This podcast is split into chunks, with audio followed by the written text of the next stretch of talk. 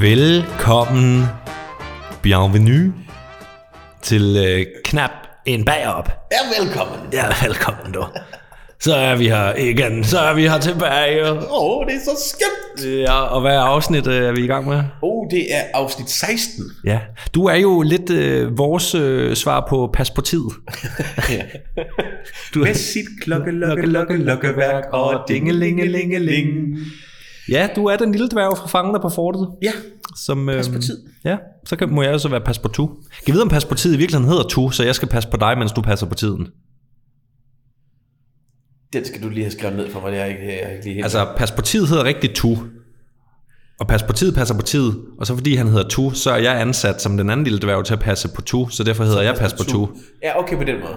Jeg tror bare, at de, de hele taget skulle sørge for, at Ole Ernsten ikke faldt sammen. Det tror jeg også. Nå, øh, så er det kraftedeme blevet en vinter. Hold kæft, hvor er det koldt. Det er sindssygt koldt, og vi lever begge to i lejligheder uden vinduer. Ja. Øh, eller ligesom, det kunne lige så godt være det. Det kunne lige så godt være en, øh, en, en plastikpose, man havde spændt ud. ja. Det pisser direkte ind. Ja. Der er jo, der er jo alskens, øh, øh, øh, skulle jeg sige, øh, dyr, fugle, som, som luner sig her i min lejlighed. ikke længe. De kan flyve lige ind. Ikke længe, fordi at det, det, det er nogle gange koldere her, end der udenfor. Det er sindssygt, man. Og så er det jo, altså klokken den er fem, bælragende mørkt. Ja. Altså, jeg er godt klar over, at vi sidder og siger ting, der er sket i, i mange, mange, mange år. Det er, ikke på, den, det, det er ikke det, på den måde nyt. Nej, nej, men det kommer stadigvæk sådan bag på en. Kan det virkelig være mørkt på det her tidspunkt af dagen? Nå, men du ved, ligesom man sagde, øh, da, da far og far var dreng, der øh, var der altid sol om sommeren og, øh, og meget sne om vinteren. Men er det ikke ligesom om, at det bliver mørkere og mørkere det føles som. for hvert år? Altså det er nok også fordi, at dengang jeg var barn, der blev jeg sendt i, sendt i seng klokken lidt i 8. Nå ja, så der var mørkt tid. Ja, altså, så jeg oplevede aldrig, at det egentlig var mørkt. Eller om som... Nå, nej, det forstår jeg ikke. Hvordan forstået? At så selv om, om vinteren, så selv når det så lige blev mørkt, så, så var, jeg, var jeg ikke vågen så længe. Så lå du inde i din lille, lille barneseng. Ja. Med hænderne over dynen. På mit tisseunderlag. Nej. Gjorde du? ja. Var du øh, sengeveder? Det var jeg. Indtil du var 19. Studenter hun kom på, og så var jeg Så tænkte du, nu er det nok med det. Nu er det, nu er det, ikke, nu er det ikke sødt mere. og det tog til da jeg var 19, ja. Ja. ja. Ja. Så kom vi, altså vi kommer lidt rundt i den her podcast. Det er jo lige før man overvejer at pisse i bukserne, bare lige for at holde varme de der 30 sekunder der. Ikke? jo. Det, det, det, det, det siger, at det ikke holder så længe. Ja. Men apropos øh, mørke, så ved jeg, at du har kæmpet lidt med en, med en billygte. Og det, derfor så introducerer vi nu øh, Stens, Stens Handy Corner. For den, for den raske gør det selv, mand. For, altså, når ens bil er blevet lidt ældre, ja, som en så, så selvfølgelig så er der jo nogle ting, der skal gøres løbende. Men, men det er også umuligt at finde råd og vejledning omkring ting, synes jeg. Nå, har du hørt om internettet?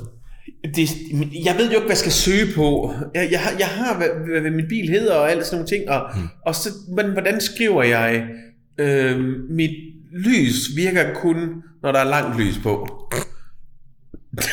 Hvordan skriver jeg det? Altså, skal jeg stave det for dig, eller hvad? Jamen, jamen det, det får jeg ikke noget ud af, jo. Nå, okay. Der står, her, du kan, hvad hedder det, det er altid nogle åndssvage standardinformationer, der kommer. Nå, i sidste ende så fandt jeg ud af, via min svogers kollega, at øh, jamen åbenbart, så kan en pære godt springe, og så stadigvæk lyse langt. Nå. Ja, okay. så derfor øh, var det åbenbart to øh, kørepærer, der var gået på samme tidspunkt. Nå. Altså jeg tror, der må være noget med elektronikken, fordi reelt set så var der også et positionslys, som var røgen. Så der var tre pærer, der var røgen på samme tidspunkt. Det synes jeg lyder lidt usandsynligt. Og du har ikke været ude og lave et rambuk et eller andet sted? Nej, Nej. Den, den er, alting er i fin stål. Ja. Men, øh, men, men så er der sådan nogle ting som, at, at jeg jo ikke ved, altså, jeg kan godt se, og jeg kan godt se via min, min manual, jeg har den faktisk med. Nå, og den skal vi lige gennemgå. Nu har vi jo aftalt, ikke? Nej, der blev rodet ned i den taske der. Nej, nej, han har helt armen nede endnu. Den havde han ikke med alligevel. Nej, men den har været i min taske nu i tre dage. Altså. Og jeg kender den ud, af, ud af nu. med, med lærerbogen i det lille skoletaske der. Men så er det igen, selv den er jo sådan en, en standardbog, og ikke nødvendigvis præcis til min. Så alt, hvad der er i den, er minder om, men ikke helt rigtigt. Øh, Det giver jo ikke nogen mening. nej, Hvorfor har du, er det, det, det giver jo ikke nogen mening, at, at, at, at, at det er sådan en, der ikke passer til din bil. Jamen, den passer jo til en ballingo, men ja. Nå. Anyhus. Nå, men øh, fint nok, jamen, så får jeg så åbnet ind til pæren. Det var fint, det kunne den fortælle mig. Ja. Altså, så tager jeg sådan en lille vandtæt cover af der. Og hvad så? Altså, hvordan ved jeg, hvordan tingene hænger sammen derinde? At det er bare noget, der skulle sk- skubbes sammen, eller er noget, der skal klikkes sammen, eller er det noget, der skal... Altså, den der pære skal jo hold, åbenbart holdes fast med sådan en lille spænde. Det er en skam, man ikke kan se, hvordan du gestikulerer. Jamen, jeg kan beskrive det, for jeg har ikke sproget. Men jeg, jeg bliver nødt til at sige, at, at, at der er jo en årsag til, at, at, at mekanikere er en fireårig uddannelse, og vi har dem. Jamen, Det er jo netop for at, at, at gøre det selv, Johns, som dig, du, ikke splitter hele lortet ad. Du så ikke ved, sagde, hvordan I du sagde tidligere på ugen, at hvis man er en rigtig mand, så kan man skifte sin Ej, det, jeg, ald- jeg, jeg bruger aldrig termen, hvis man er en rigtig mand. Jeg siger, hvis man, hvis man har noget mellem ørerne. Nej, jeg er ret sikker på, at du sagde noget på mand. Men jeg sagde også i samme ombæring, så kom lige forbi, Sten, så skal jeg gøre det for dig. Ja, og samtidig derved, så kaldte du mig ikke en mand. Det udtaler jeg mig ikke om. Nej, men man kan godt sige ting uden at sige det. Jo, jo, men altså, det er jo, hvordan du vælger, vælger, vælger at tolke tingene. Jamen, jeg, jeg kunne ikke være mere enig.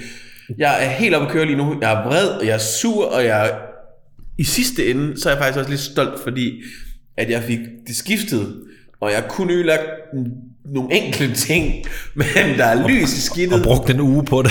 Ja, ja, ja, ja, ja, ja, der er lys i det nu, og øh, jeg skal køre rimelig forsigtigt over vejbum, fordi ellers er jeg ret sikker på, at der er noget, der falder ud.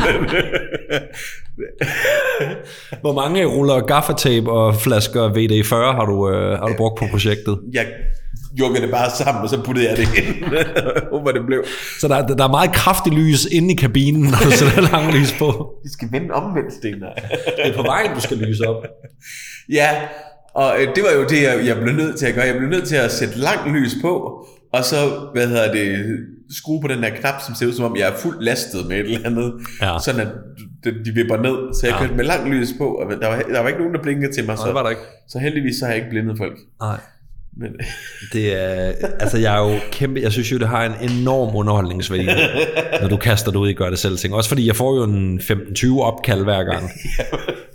og nogle af dem er egentlig ikke rigtigt for at få et svar. Jeg skal bare Det er bare, jeg er mere sådan en, sådan en, du kan laste af på, få frustrationerne ud. Og det er faktisk ikke det eneste, jeg har gjort med bilen i den her uge. Nå, ej, hvad har du ellers kastet ud i? Jeg har skiftet vinduesvisker. Ej. Okay. Efter jeg havde bestilt og købt et forkert sæt. Det, er de- det er de helt store projekter, du kaster dig ud i. Men vi er inde på de her ting, som man burde kunne klare selv. Jeg ved, Visker vil jeg sige, den, den, den burde du. ja, men det er jo det der med at finde det rigtige. Igen, det er en bil, der er 12-14 år gammel nu. Ja, men ja, den blev øh, skiftet. Mm. Og, øh, og den, den øh, Så nu er dine vinduer helt rene på indersiden. Jamen, bortset fra, at jeg nok har fundet ud af, at den har det her, der hedder sådan noget trafikfilm. Nå, Så den skal nok lige have en ordentlig omgang af et eller andet. Og så har jeg set, nu snakker vi ønskeseddel for et par gange sådan, nå ja. jeg skal købe sådan noget nano noget. Ja, for det virker jo helt sikkert. Ja, det, du vil ikke sælge det for 200 kroner, hvis det ikke virker. Nej, det er klart.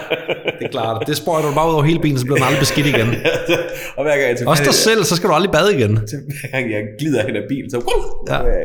Nå, men øh, det, det, så, det så rigtig godt ud. Det bliver nemmere for dig at lave det der FBI-slide hen over kølerhjelmen på den i hvert fald.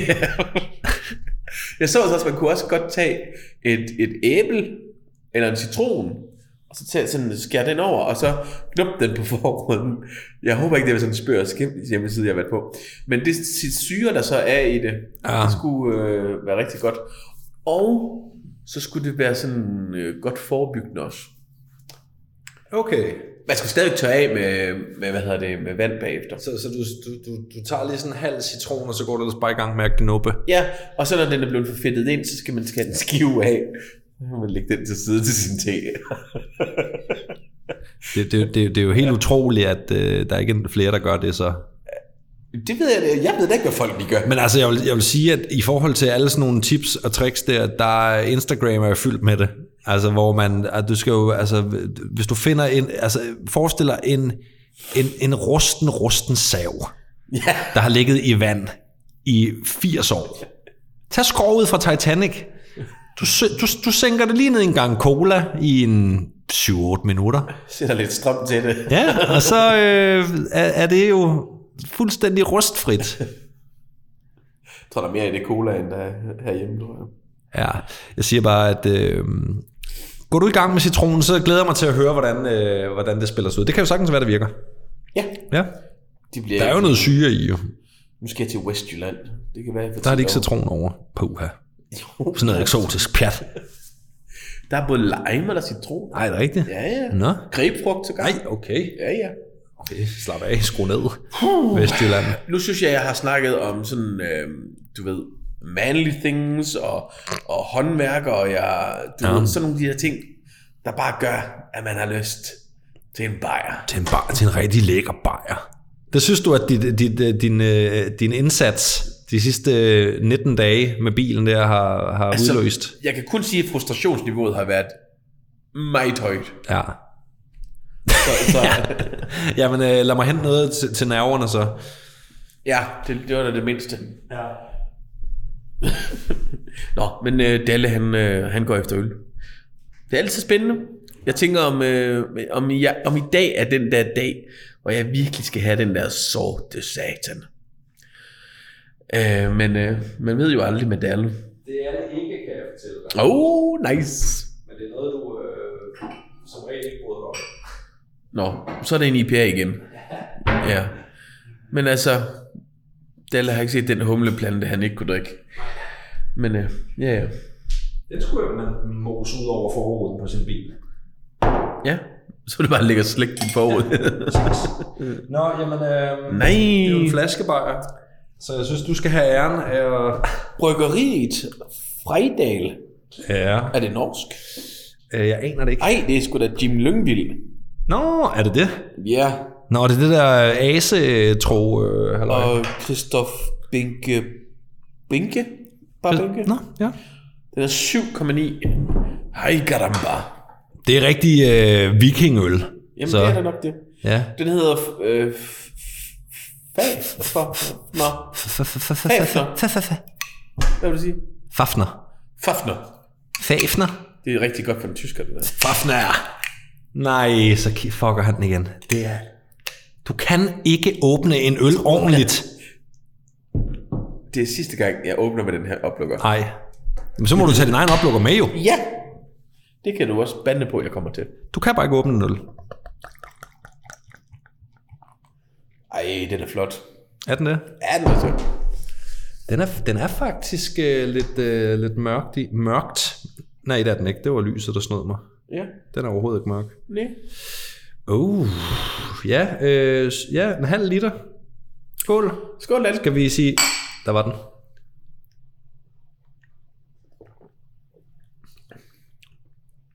Ja, det, det kan jeg sgu godt lide. Jo. Sådan, Jim. Det kan være, at jeg er ved at vinde mig til det der... Jim og bænke. Intet bor uden bænke. Jeg tror ikke, de er familie med det. Hvad, kender du det der nogle gange, når man begynder at, altså, øh, nu har der jo lige været folketingsvalg og sådan noget, Ja. så, så falder, ja, så var det jo så øh, Ellemann øh, afkom, der, der står på Venstre nu, og Jakob. ja, øh, og så tænker man så lidt på de gode gamle dage med, med politikere, og if you can't join them, Them, beat them. beat them. Ja. Uh, Det var Uffe. og så, ja, og så kommer jeg sådan til at tænke på, hvad fanden laver Niels Helvig Petersen nu? Altså lige nu. Ja, Altså denne her torsdag aften, vi sidder og optager. nej, bare sådan i den her tid. Det kommer så til at tænke på, øh, fordi hvad, hvad er det sidste, man har set ham i? Jamen, han er, han er vel pensionist jo. Han er jo, han er jo en ældre herre nu, jo. Er han ikke Ja, det? Du behøver ikke slå ham op, for det Nå, har slået ham op. nå, når du har slået ham op. Ja, han er Der var død for intet- fem år siden. Og han er død. Ja. Nej, det er der ikke noget at grine af. ja. Nej. det er ikke, nej, jeg har været hans var ikke- minde, det er jo slet Ja. ikke det. Men det jo bare det, nej, okay, han er, han er død Gud, er han det? Ja, som 78-årig. Men Men det, jeg, jeg var bare så chokeret. Altså. Ja, det er der egentlig også lidt. Det har jeg sgu ikke fået med. Nej, overhovedet ikke. Men det er jo noget med, at efter det her folketingsvalg, der er der jo ingen uh, Helve Petersen uh, uh, i Folketinget længere. Nej, okay. Ja, fordi han har nogle sønner jo. Ja, uh, Morten mm. uh, blev ikke genvalgt. Nå, Så de der gamle... så det ikke engang er eget valg, han er... Nej, Nej, okay. ikke så vidt jeg har forstået. Nej. Øh, radikal jo ikke. Øhm, så så vidt... Øh, altså, så der er noget med dynastierne, som... Øh, Ja, ja. Det er jo ikke altid det værste. At... Ej, der er jo stadigvæk øh, Ellemann, og øh, Augen er der vel egentlig også stadigvæk, ikke? Jo. Men altså, ja. og det er, jo, det er jo derfor, jeg tager det med. Det er jo egentlig bare det der med, at nogle gange kan man gå som sådan... Nå, ja, fem år siden. Ej, det er da helt trist. Ja, Nå. det, det var vist ikke specielt godt. Det var øh, kraft på spiserøret, så det var meget ubehageligt. Så det det, det det. er jo så absolut ikke for at skægge urin med. Nej, nej, men, det- men det, ej, det komiske ligger jo også i det der med, at, at, at, at man går og tænker noget, og så har man ikke fået det med, Ja. simpelthen. Jeg vil jo mene, at altså, der er mange politikere, jeg sikkert måske ikke nødvendigvis, men, men det troede jeg da trods alt, jeg ville have fanget. Ja, men det har man jo nok også hørt dengang, det skete jo, og så er det ligesom bare røget ud Ja. af bevidstheden igen, ikke? Ja, nå ja, ja, ja. Hvad hedder det? Øh... Har du noget lige nu? Øh, om jeg har noget lige nu? Øh, nej. Det er, det er første gang, jeg er blevet helt tavs. ja, det er sgu aldrig skidt. Er det fordi, at øh, jeg fornemmer, der skal ske et eller andet? Ja, men jeg tænker, vi skal have en øh, KSC. En KSC. Go. Der var for mange scener i leveren, og sovsen var for tynd. Vil du kære til kaffen? Nej, du lovede Så giv mig selv. fire kiks med jordbærmarmelade. Carl Stickers Corner! Og Det var da en genganger. ja, Nå. jeg tænker, jeg laver fem, og så, så må vi... så behøver du ikke at sende den til mig. Ej, men så er det bare sådan i den pakke jo. Fordi så har jeg, jeg har den legnet op. Nå, okay. Men øh, fedt. Ja, den uges Karl Stickers Corner, det var fordi, at jeg lige faldt over øh, en sådan en en lille artikel omkring øh, unødig viden, altså noget, du ikke kan bruge til en skid. Men, Jeg har bøger om unødigt vidne. Ja, men det er dem, Ja. der laver det. Ja. Du, nå, DF's partiprogram. Vi beklager til alle. Det er ja, undskyld. de tre, der er. Nå, øh, den danske slikfabrik, Toms, Mm.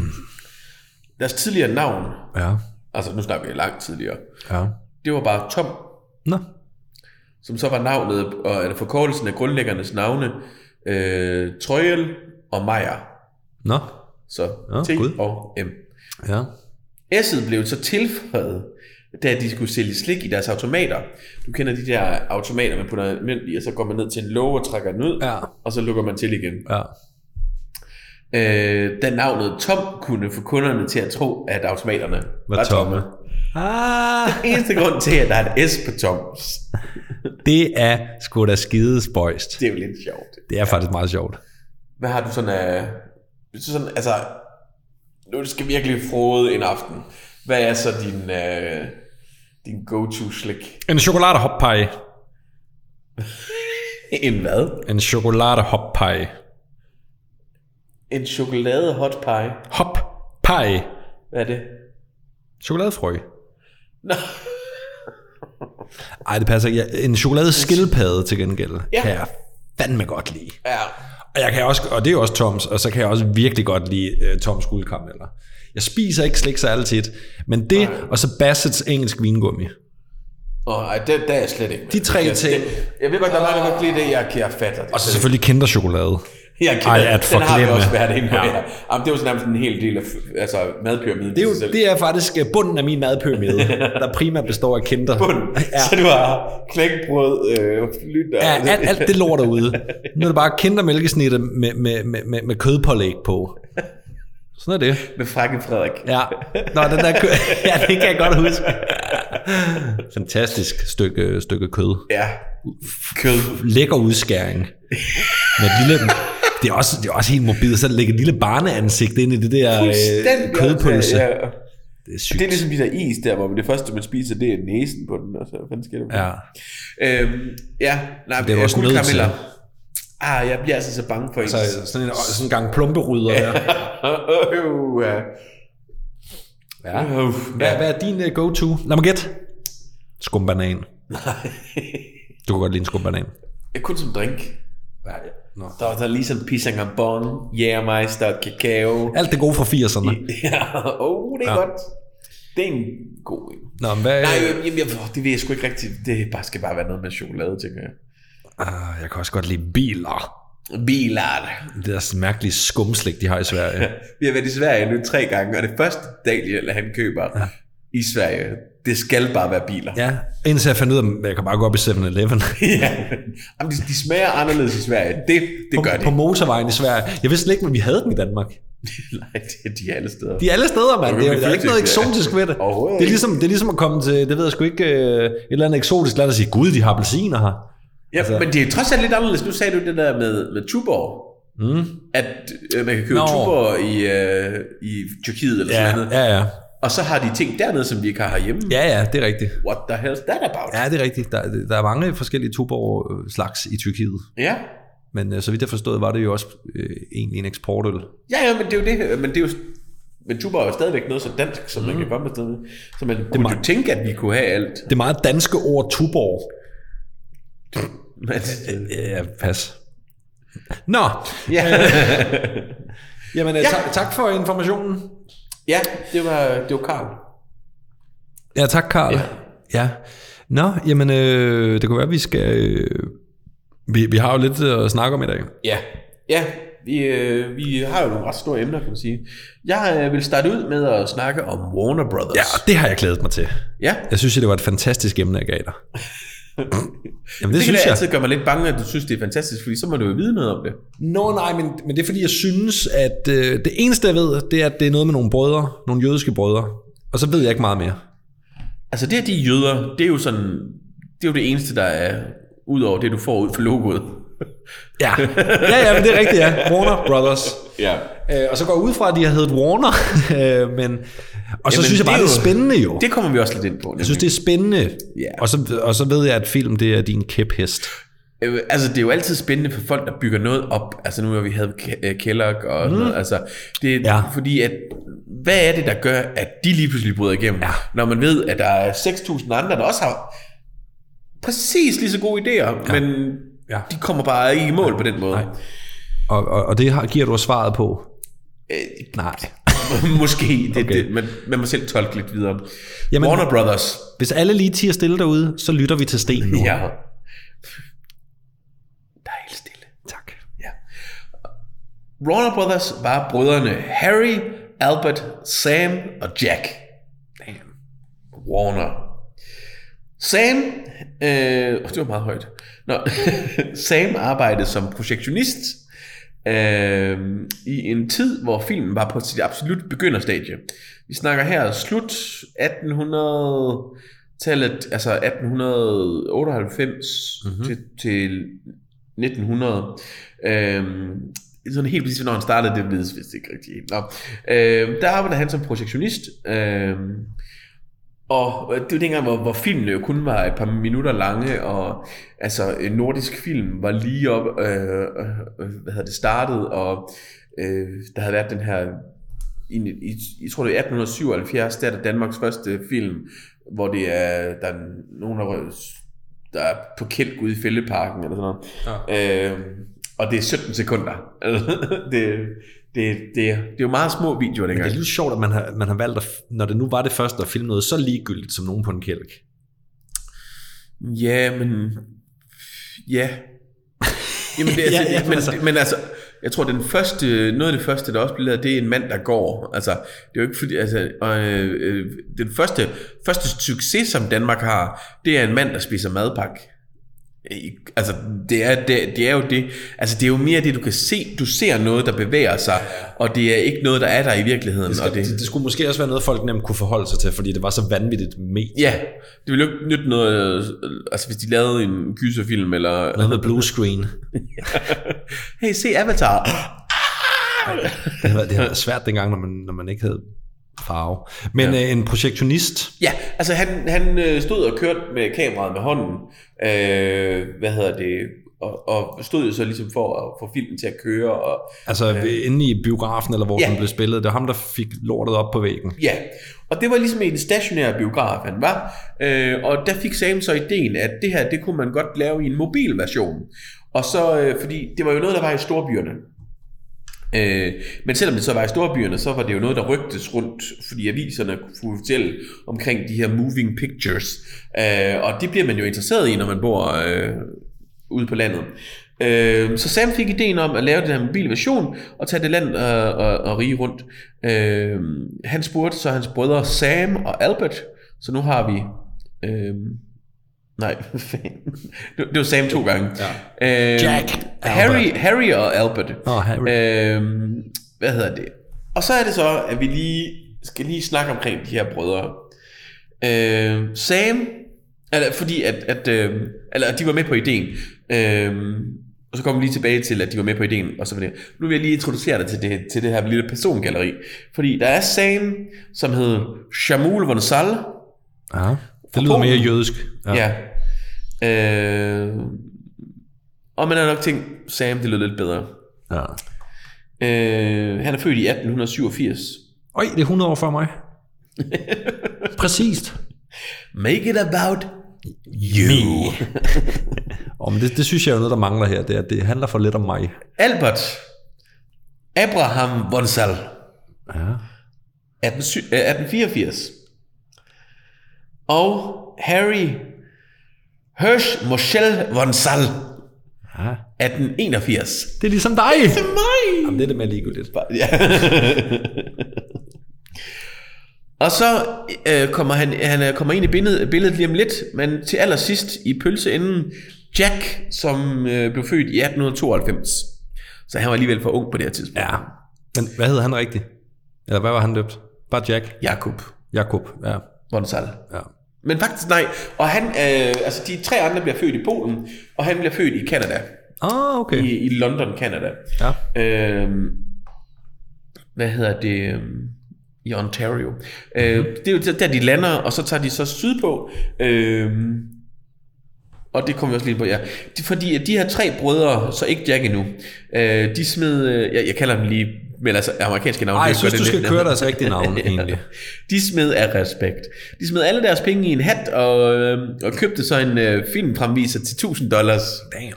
1000 dollars er rimelig mange penge på det tidspunkt. Ja. Det. Og så var de business. Og ret hurtigt var business a booming. Øh, de rejste rundt sådan til mine byer i Ohio og Pennsylvania. Det var ligesom der, de var lokaliseret og, og, og gjorde deres ting. Øh, og så i, øh, i 1903, så tre år senere cirka, der, der køber de en uh, Nickelodeon. Ah.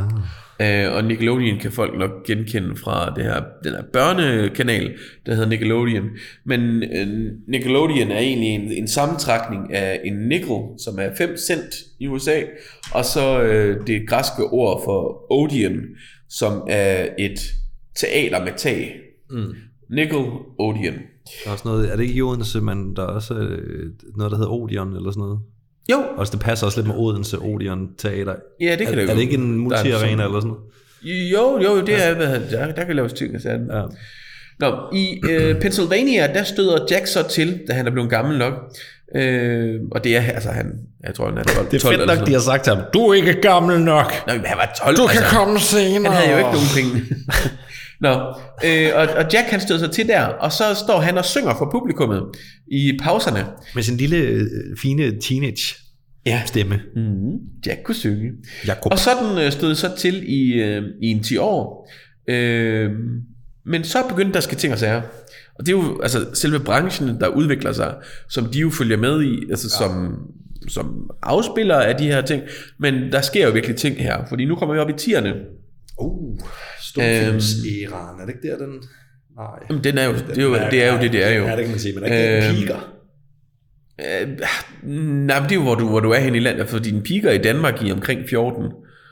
Øh, Tierne. Nå, ja, ja, ja, ja, men den piker på ingen måde endnu i USA, fordi Nå. det er først... Øh, Nå ja, vi er foran, ja. Det er rigtigt. Ja, ja, vi er Hollywood i verden. ja, altså, det er sygt. det kan jeg fortælle om en gang. Ja. Der er meget at fortælle. Ja. Øh, I 1918, der skabte øh, Warner Brothers øh, Studio øh, på Sunset Boulevard i Hollywood.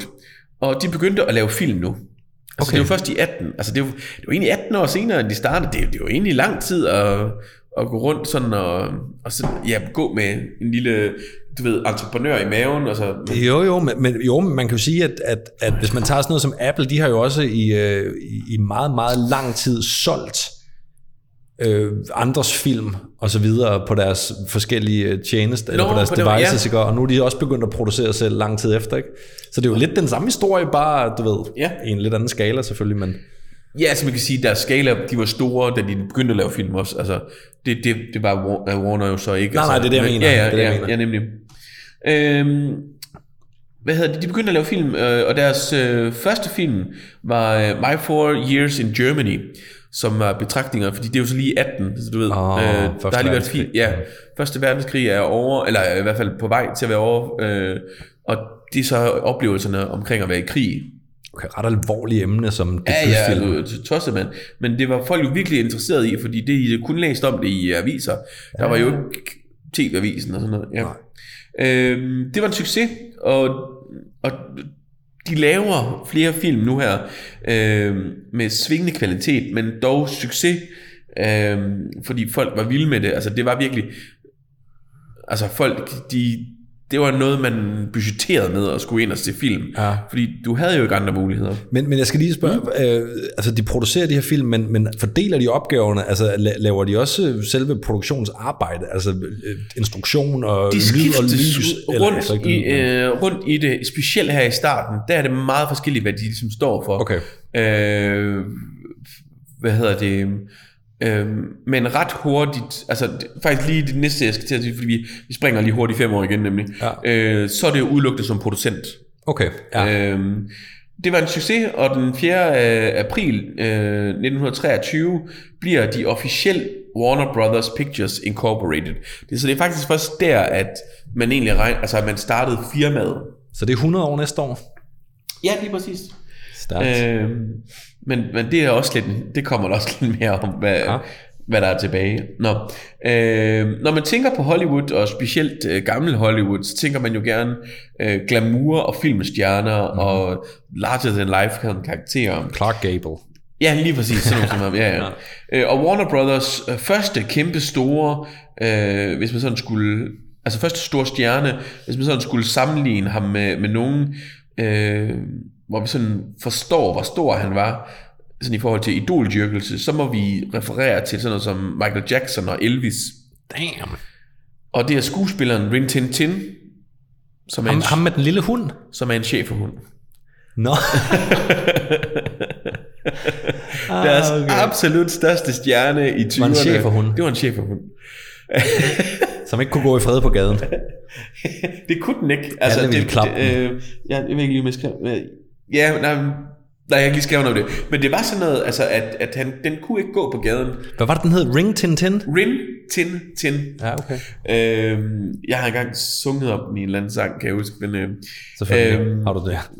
ja, men, hvad hedder det? Øh, den var ansat på kontrakt for 1000 dollars i ugen. Altså også igen på den her Man tid, skal ja. fandme have sig en hund. Og så skal man bare tænke på, at det er jo 7.000 dollars for en hund jo. Ja, og det var Øh, dengang. Ja, du skal min joke om, at det var 100 Nå. dollars i går. Ja, den var god. Come on. Den var god. Jamen, og det var nemlig dengang. Det er jo, det er jo i, i ugen, det vil være mange penge for mig i dag jo. Øh, Sindssygt, mand, for en hund.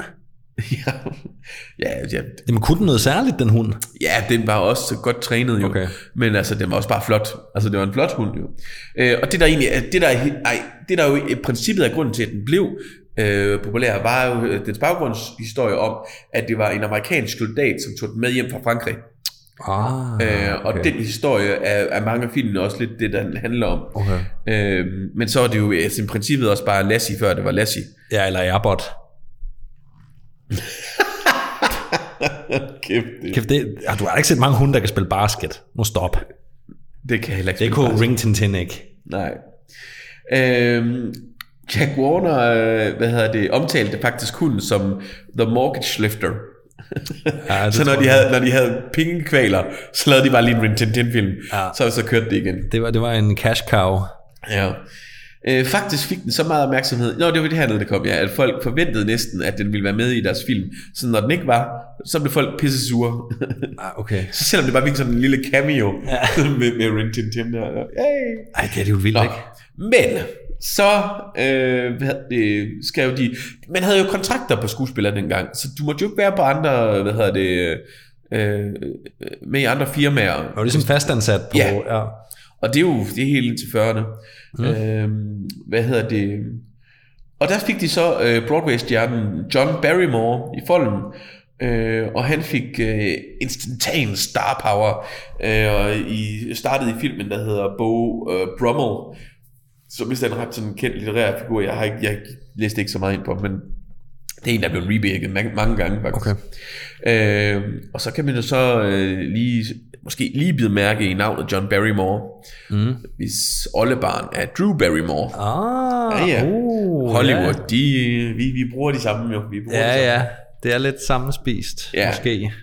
Ja, jamen, jeg synes jo, hun er dygtig. Drew Nå, ja, ja, ja. ja, ja. Ikke Nå. noget ondt der. Øh, ret hurtigt så bliver Warner Brothers, øh, Warner Brother Pictures øh, øh, et af de største independent filmselskaber i Hollywood, og de kæmper øh, allerede på nuværende tidspunkt, eller på det her tidspunkt, øh, med de etablerede navne som Metro Goldwyn and Mayer, Paramount og First Nation Pictures.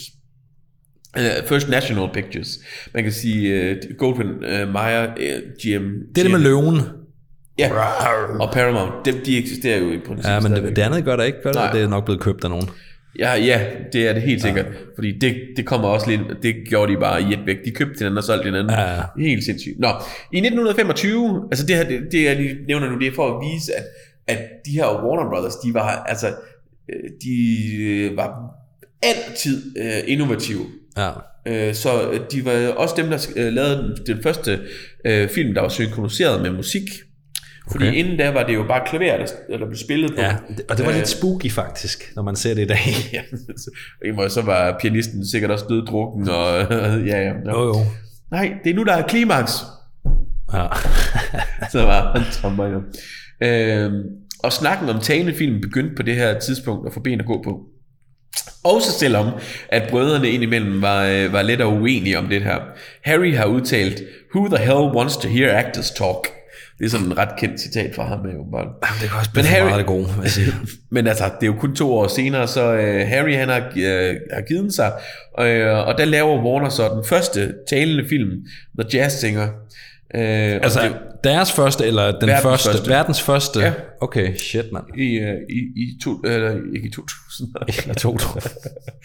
i øh, hvad hedder det, 1927. Og det var en altså hjernedød succes. Ja.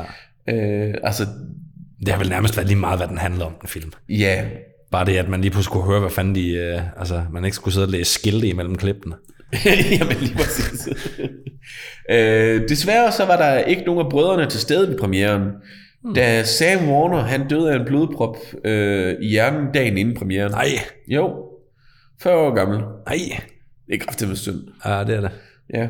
Det er ærgerligt. Der, altså, omstændighederne omkring hans død, de har... Det skal jeg ikke tillægge noget nu, men... Hvor uvenner var de? Ja, det er faktisk lidt sådan noget, de snakker om. Ah, men, okay, shit. men altså, det var øh, altså en blodprop i hjernen. Altså, men, ja. øhm, men det har højst sandsynligt været noget med stress også at gøre. Han har været træls i en længere periode. Nej, det håber jeg sgu ikke, han var. det er meget brødrene der. Nå. Øh, Warner var øh, efter The Jazz Singer nu blandt de største i Hollywood. Øh, independent og øh, hoved, hovedværker. Eller hovedfirmaer. Mm. Og, og de købte øh, en kæmpe grund ude i Burbank. Ja, ja. Øh, lige på den anden side af bakkerne i Hollywood. Ja, Øh, og de blev hurtigt sådan en... Ja, det skal jo lige sige, så der har vi jo været. der har vi været. Ja, kæmpe, kæmpe grund. Ja, det, det, det, øh, det minder mig øh, om, øh, i gamle dage i Sønderborg lå der en, en, en, en, en fabrik, der hed JF, der lavede landbrugsmaskiner. Mange, mange, mange lader over det hele. Ja. Jamen, øh, og for, jeg tænker sådan på, da jeg var i Rotterdam, altså det ligner sådan en havn, Ja. fyldt med de der, hvor der er Der er jo ingen tvivl om, at det er et kæmpe, kæmpe, kæmpe, kæmpe stort produktionsapparat. Ja. Prøv at, tænke, altså alle de der, det er jo både tv-serier og film og sådan noget, Ja, der, altså. Ja. Det er faktisk en god øl, det der. ja, det er det.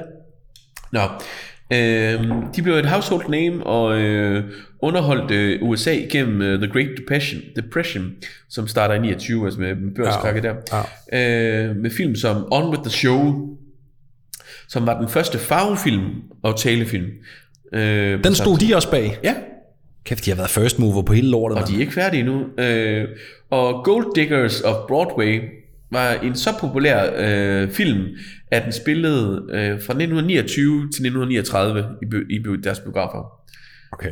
Det er rimelig øh, det er hæftigt. Vi, vi tænker nu her på de her musicals, som spiller i Broadway og West End i 20 år, men Ja. altså en film, Ja. ja. det er godt nok, det er vildt. Ja, det er fandme vildt.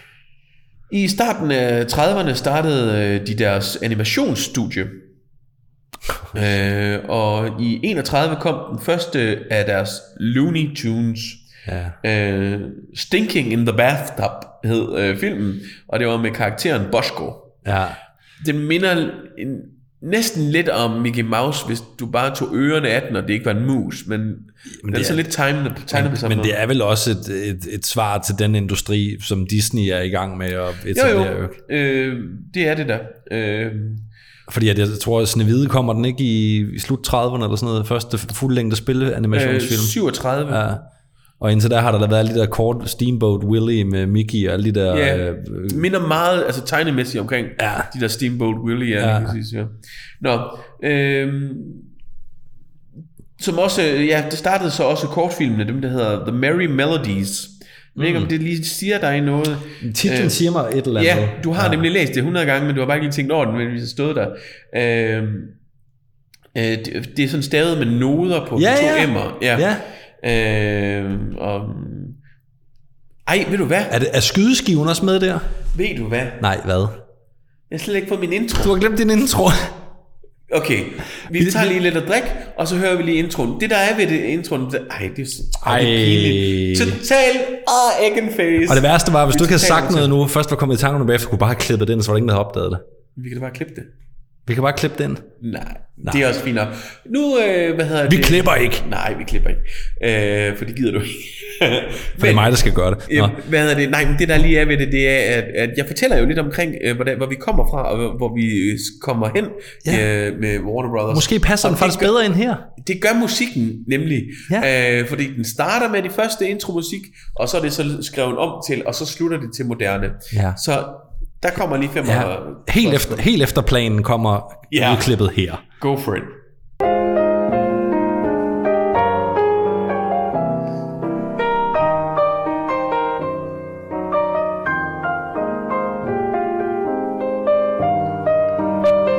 Mm. Det er så dejligt old school. Ja, det er det.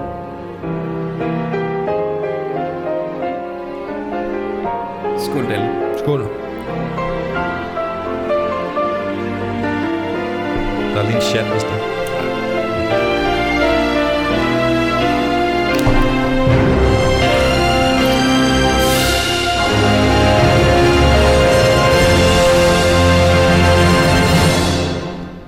Ej, man sidder jo næsten med gåsehud. Ja, Altså, hvis jeg, hvis jeg lige må tilføje noget, ja. Nu, nu ved jeg ikke, om du vil stå ved det, men øh, da vi var i Warner Bros. studie, mm. kan du huske det første, vi skulle på den der studietur, det var, ja, vi skulle ind, i en biograf, Ja. Og der, der skulle vi se sådan en film, hvor det var, det var et potpourri ja. Af alt, hvad de havde lavet i de her 100 år. Introduceret af Ellen DeGeneres. Ja, med, Altså, hun var der jo selvfølgelig ikke. Men... med, jo, hun var der lige den dag.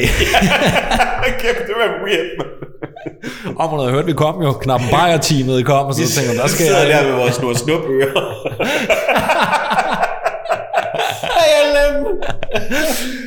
Åh, for helvede nok. Ja. Vi fik da også en bil. Nej, det er Opera, der gør det. Nå, øhm, ja. Men øh, der var jo lignende musik på og sådan noget, og så kan jeg huske, at jeg kiggede over på dig, og du kiggede på mig. Og, ej, okay, det lyder forkert. Men jeg kiggede over på dig, og så sad du og, og, og græd jo. Ja, du sad, du sad og... Altså ikke sådan... men men jeg, jeg kan huske, at du var sådan helt rørt. Jamen, det... Ja, det var så vanvittig en oplevelse. Det synes jeg også, det var at være der. Altså, Men- men, at men- stå ved de der bygninger, hvor Casablanca er lavet. Og. Ja, ja, synes, det var vildt. men jeg forstår altså. det også godt, men, men jeg synes da også, når man hører det her musik, det, er, det vækker der et eller andet, det, vækker, det vækker tigeren i, det Nej, det er en anden episode. er en anden, det, det, var, det hører til Kellogg's. Ja. Ja. ja. Hold kæft, jeg er en idiot, mand. Nej, nej, nej. Men jeg, jeg tror aldrig, jeg har hørt den i sin fulde længde. Nej, men altså det her, det er en sammenblanding til deres 100-års jubilæum. Ah, Øh, okay. Som så blev lavet for nogle år siden. Jeg ved godt, okay. Du siger, at det var 100 år nu, men de lavede en i 18, øh, hvor den blandede sammen, fordi der var allerede intromelodier til den dengang. Ja, okay. Der var, der var noget af den her, der mindede om en sang, den der As Time Goes By, eller hvad fanden Jamen det er fra øh, Casablanca. Ja. Øh, og kiss is still a kiss. Ja, præcis. Ja. Nå, okay. Øh, og så går den så over i det der. Fordi det var nemlig det, der var i mange, mange år, var det bare det der Casablanca-nummer. Ja, ja, okay. Nå. And we're back. Øh, Jeg synes, det passer bedre ind her, faktisk. det, Det er lige meget. det var fordi, jeg begyndte at øh, tænke på den der Looney Tunes. Ja. Nå, øh, Vi jogger ikke mere rundt i din fejl. nej, men det, det, skal jeg nok selv gøre, ja. Det er Ja. en største kritiker en selv. Nå. Og mig. Øh, den, ja,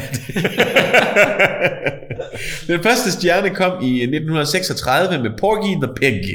Og øh, sidenhen så Snor Snup og Daffy Duck. Ja. Hvorfor har Snor Snup et dansk navn, og Daffy Duck, Det har Daffy Dog også. Daffy Ann? Ja. Jamen, det er navnet Nå. Og i starten af 40'erne var de faktisk større end Disney på det tidspunkt. Ja, det har jeg godt. Ja. Det kan jeg godt. Det har jeg hørt lidt om. Og i 30'erne, der lavede Warner Bros. rigtig meget gangsterfilm.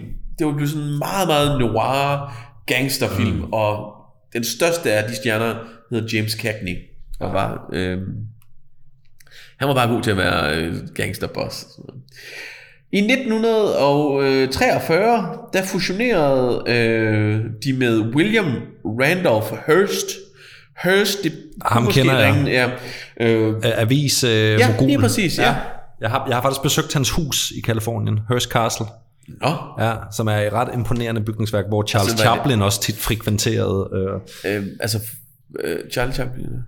ja, hvad sagde jeg? Charles. Nå, nej, ja, Charles Chaplin. Ja, ja. Nej, men det, øh, hvad hedder det? Men er det et museum, eller hvad, i anled, hvad anledning er du der? Ja, da, da, Jamen, det vil lige se på mig. nej, da, han, da han døde, der, øh, der donerede han øh, hele lortet til Kalifornien. Nå, staten. okay. Så det er et museum. Det er et landmark, som Ja. ja. amerikanerne elsker at have.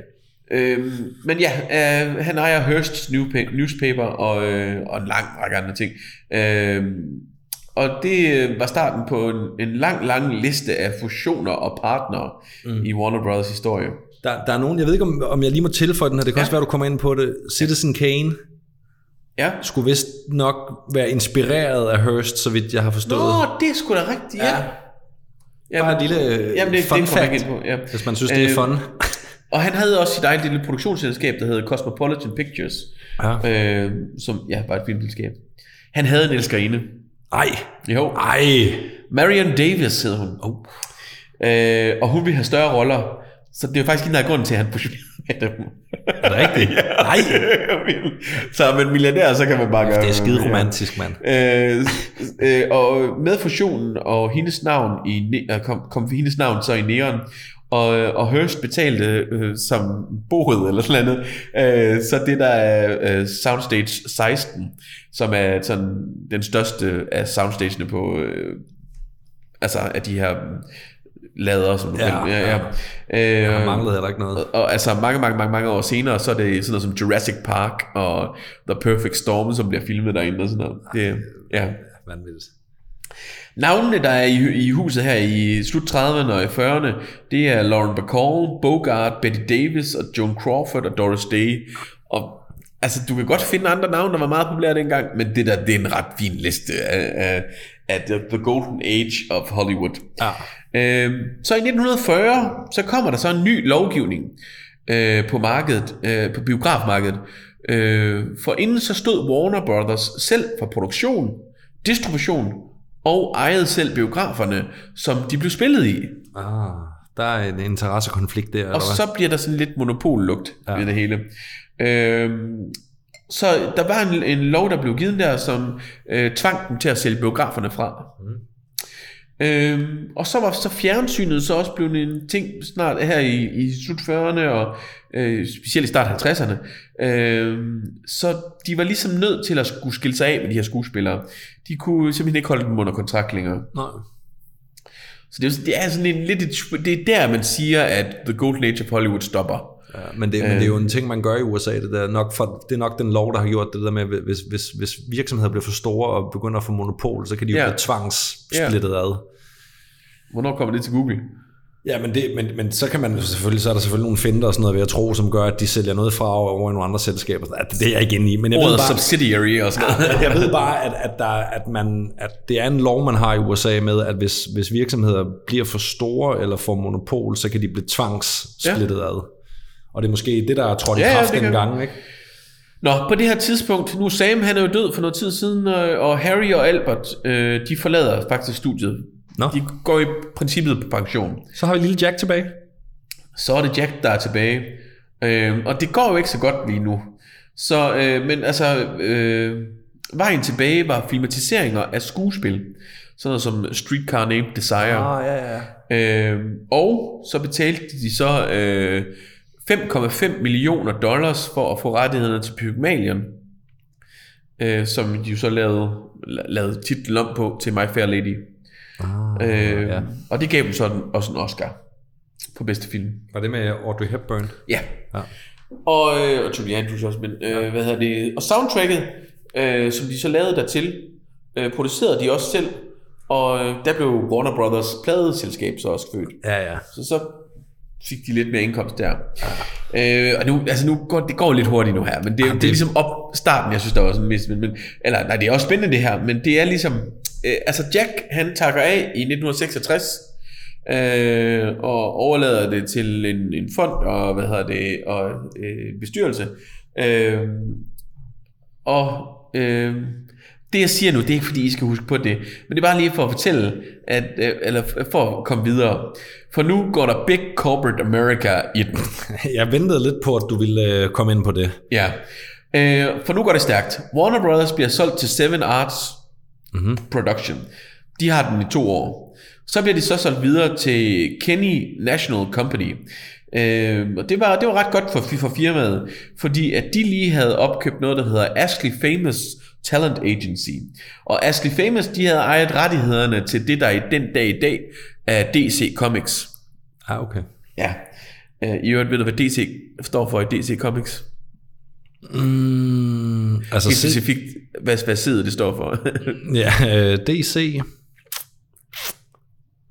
District Columbia. Nej, det aner det ikke. det står for Detectives, Detective Comics. Så det hedder Detective Comics Comics. Comics. det er så dumt. Genialt. Ja. Så øh, omdøbte de sig til Warner Communication Inc. Det markerede så en æra, hvor de lavede øh, film så, altså i 70'erne som Exorcisten og Superman i 78, fordi nu havde de jo rettighederne til det.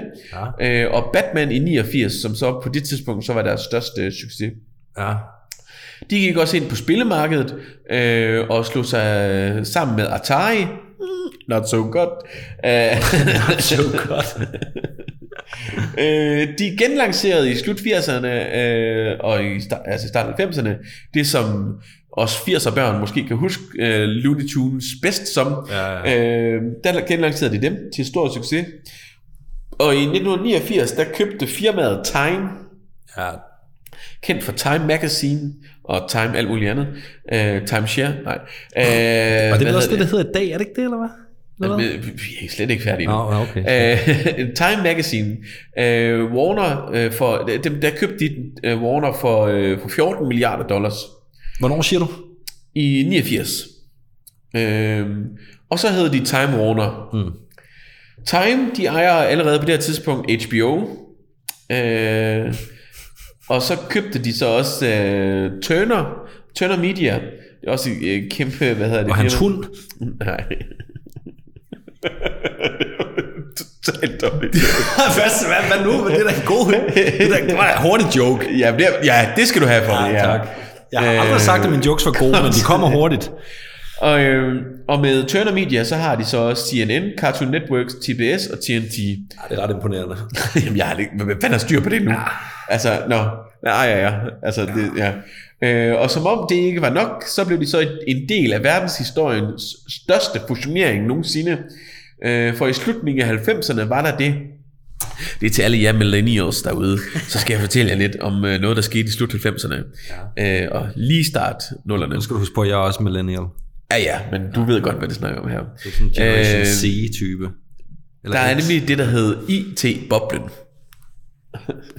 det har du vel hørt om, tænker jeg. Jo, den har jeg hørt om. Ja, Og det var her, de var på sit højeste. Så firmaet L, eller AOL, Ja. Som øh, på det her tidspunkt var, hold nu fast, 200 milliarder dollars værd. Ja, hvad var det? En søgemaskine? Eller et me- nyhedsmedie på nettet? Ja, Ikke nærmest. og det blev stort set kun brugt i USA. Ja. Så de købte Time Warner for 186 milliarder dollars. Altså, og det var de jo slet ikke værd. På ingen måde. og helt præcis, hvordan det er altså med ind. Jeg aner det faktisk Det ikke. var Jeg- kunstigt pumpet op det hele. Så nu hedder det så AOL Time Warner. Ja, det kan jeg godt huske for nogle af de der skilte der egentlig. Ja. Altså introskiltene. Jamen, det, det, det kan jeg ikke, men det, det, det har jo i hvert fald stået der, ja. Ja. Øh, det er da sådan en lille sjov ting, når det hedder A- AOL Time Warner, men inden da hed det Time Warner, mm. altså uden mellemrum, men Ja. Time Warner. Åh, ja, ja.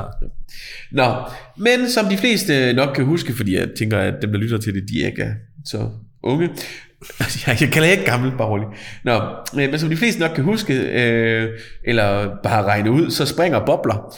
Øh, og øh, året efter rapporterede AOL et minus på 900, nej, øh, ikke 900, men 99 milliarder dollars. Det er altså et dårligt år.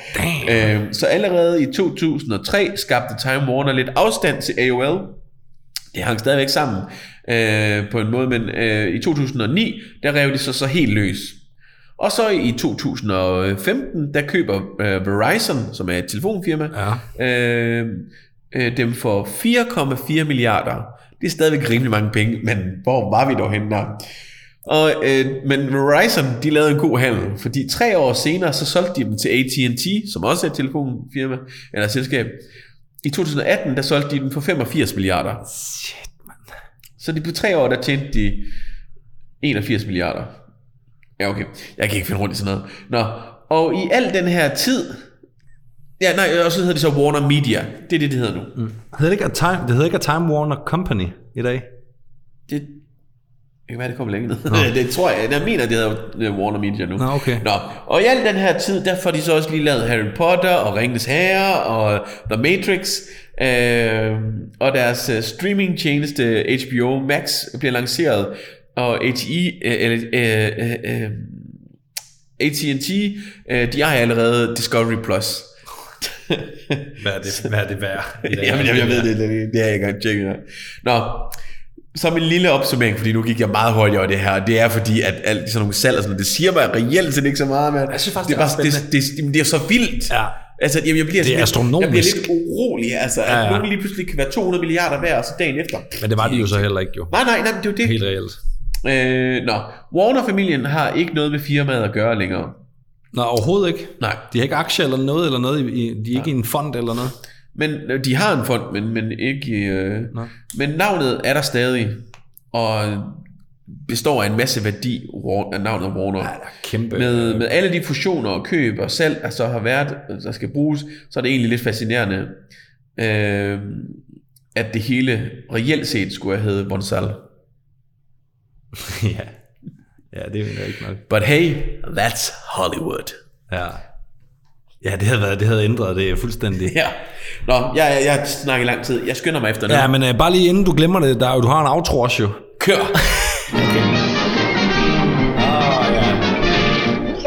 That's all, folks. Øh, skide spændende. Det, det må jeg skulle sige. Ja, ja. Det var jeg skulle... Øh... Ja. Det havde været noget helt andet med Von Saul Brothers. Ja. Det tror jeg sgu ikke havde gået på samme måde. Nej. Vi skal have sådan en her. Nej, gud. Må jeg lige indrømme noget? Ja. Jeg har haft alle mulige forskellige øl i mit køleskab den sidste uges tid, ikke? Ja. Og så da jeg var over hente min før, der tænkte jeg, Nå gud, jeg har også den her liggende, den du lige har hentet nu. Ja. Så du er heldig, jeg ikke kom slæbende med den før. Jeg blev også lidt chokeret, for den lå ikke på den hylde, jeg havde lagt den. Nej, men det var fordi, jeg havde, havde mine små fedtede fingre på den. Nå, jamen, øh, Hvad skal vi have? smagen af et yndigt land for de fem gårde. Ja. En Wilhelm Indian Pale Ale. Så den, vi, vi har- vi fortsætter. Vi har prøvet at få en, en didrik derfra. Ja. Er den her også for din fødselsdag? Ja. Ja. Vil du have æren af at prøve at åbne øl Nej, du må hellere gøre Nå, det. okay, Så prøv at høre her, hvordan man gør. Ej, det lyder godt. Det første hug, du. Det, er jo, det, det har jeg alligevel aldrig pralet med før. Det er også dit værktøj. Ja, det er rigtigt. I mellemtiden, så kan jeg jo lige sige, øh, hvad hedder det, anbefale os til en ven eller en kollega, øh, hvad hedder det, eller også bare sidde på toget og sådan noget højlydt sige, ah, Dalle, Eller bare sætte det på. er nu på så fjollet. Bare sætte det på højtaler i toget. Ja, åh oh, ja. Det skal I nok pisse Snak folk af. togkøren eller sådan noget. Ja. Hvis man skal på bustur til Hartsen, Ja. gå lige op til buschaufføren og spørg, kan vi få det her på anlægget? Kan vi få den om prutter? Ja. og det er sgu da, det vil alle sgu da synes om. Øhm, ja, så det, det synes jeg bare lige. Øhm, Nå, men lad os smage. øh, Ja, Ja. god øh, opfordring. Lad os smage en gang. det er jo så en IPA, men også igen. Skal vi øh, klinke? Klinke, klanke. Den er mere fruity. Ja. Den er ikke helt så, hvad er vi oppe på? 6 procent. Man kan godt mærke, at den, er, der, den, er ikke, den, den napper ikke helt på samme måde. Nej, den er mere mild. Ja, men, øh, men, men smager, smager ganske fint. Ja. Det kan være, jeg er helt ved at blive vant til det her IPA. Jeg tror sgu, du ender med at blive glad for det, faktisk. Ja. Jeg, synes, jeg synes, vi flere gange nu har hørt dig sige, Ja. det er egentlig en okay øl. Men jeg, øh, altså, Det var det, det der var hele mit formål med det her. Ja, men altså, jeg har jo også været åben over for det, fordi jeg vil jo. Du er et meget åbent menneske, jo. Ja. Skal vi, skal vi, blive, ved med at, skal vi blive ved med at sidde og rose dig, eller? Ja, lad os gøre det. Øh, nej, men øh, lad os høre lidt om uh, Roskilde Festival. Ja.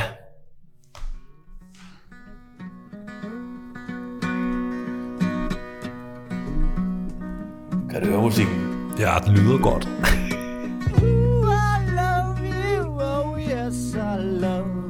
Er det ikke lækkert? Jo, det skal være. Læg mærke til 2 og 4 i rytmen. 2, Er det optaget nede i telt på campingpladsen? Eller hvad? 2, 3, 4.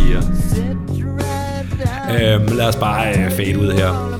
Det var øh, headlineren fra årets, eller fra det første øh, Roskilde Festival øh, nogensinde. øh, En af headlinerne. The Grease Band. The Grease Band. Ja, som et eller andet sted øh, egentlig primært var Joe Cockers øh, baggrunds, øh, Ja. eller band. Lidt ligesom øh, Bruce Springsteen har The E Street Band. Ja, ja, ja. Ja, vi skal jo til det. Roskilde Festival. Åh, oh, det gad jeg sgu godt, vi skulle til. Ja, det, ja ikke, ja, ikke lige med, med Nej, nok heller og- ikke det med det program, der var jo. Nej. Eller som den hed til at starte med, Sound Festival. Nå, Ja. var det lige fra internationale? Ja, det er meget internationalt. Ja, hold da kæft. Øh, startede i 71. Øh, og det sjove er jo, at det, det var nærmest død, altså det- dødfødt fra starten af, det Jo. her projekt her. Øh, fordi at den første øh, festival endte lidt ja, katastrofe er måske for meget sagt, men, men, men, men den endte ikke super godt. Nej. Den endte faktisk med at gå så galt for arrangørerne, at ingen af dem havde lyst til at fortsætte året efter. Nå, Ja, økonomisk eller hvad? på, på, det kommer vi Ja, på. ja. Men grundlæggerne, Jesper Switzer og Mogens Sandfær, de grundlægger Roskilde Festival, eller Sound Festival, øh, som den blev kaldt i 71, mens de stadigvæk går i gymnasiet. Øh, de to venner, de var med i festudvalget på gymnasiet og øh, på Roskilde Katedralskole. Og, og de var i festudvalget og var med til at arrangere alle skolefesterne. Ja. Og når der så skulle nogle musikere... Det er bare en udviklet skolefest. Ja, det kan man sige. Det kan man sige, ja. Øh, de, til de her skolefester, der havde man gang imellem booket musikere ud til at komme og spille, og øh, det øh, fik de hjælp til at booke af bookeren, Carl Fischer. Og det er så Carl Fischer, der en dag ringer til de her to drenge og foreslår, at man kunne lave en to-dages musikfestival i Roskilde. Og øh, det her det er i 71, man har i 69 lige haft Woodstock, mm. og det synes de her to øh, gutter er en pissegod dag. Så det vil de gerne være med til. Og øh, de tre, de går så i gang med at, at planlægge øh, Rosk, øh, Roskilde Festival, eller Sound Festival, mm. den første udgave. Egentlig så havde man fundet et sted, øh, som hedder Borgvejle Vi, som ligger meget, meget smukt ned til Roskilde Fjord. Der havde man øh, hvad kan man sige, lejet et stort område, hvor festivalen skulle være på. Men... Ikke der festivalen ligger i. Nej. Og det skyldes, at udlejeren af grunden, han blev sådan lidt, øh, handler det her i virkeligheden mere om druk end om musik, og får de ryddet op, og bliver Ja. det hele jævnet. Altså, så han fik koldfødder og trak sig fra aftalen.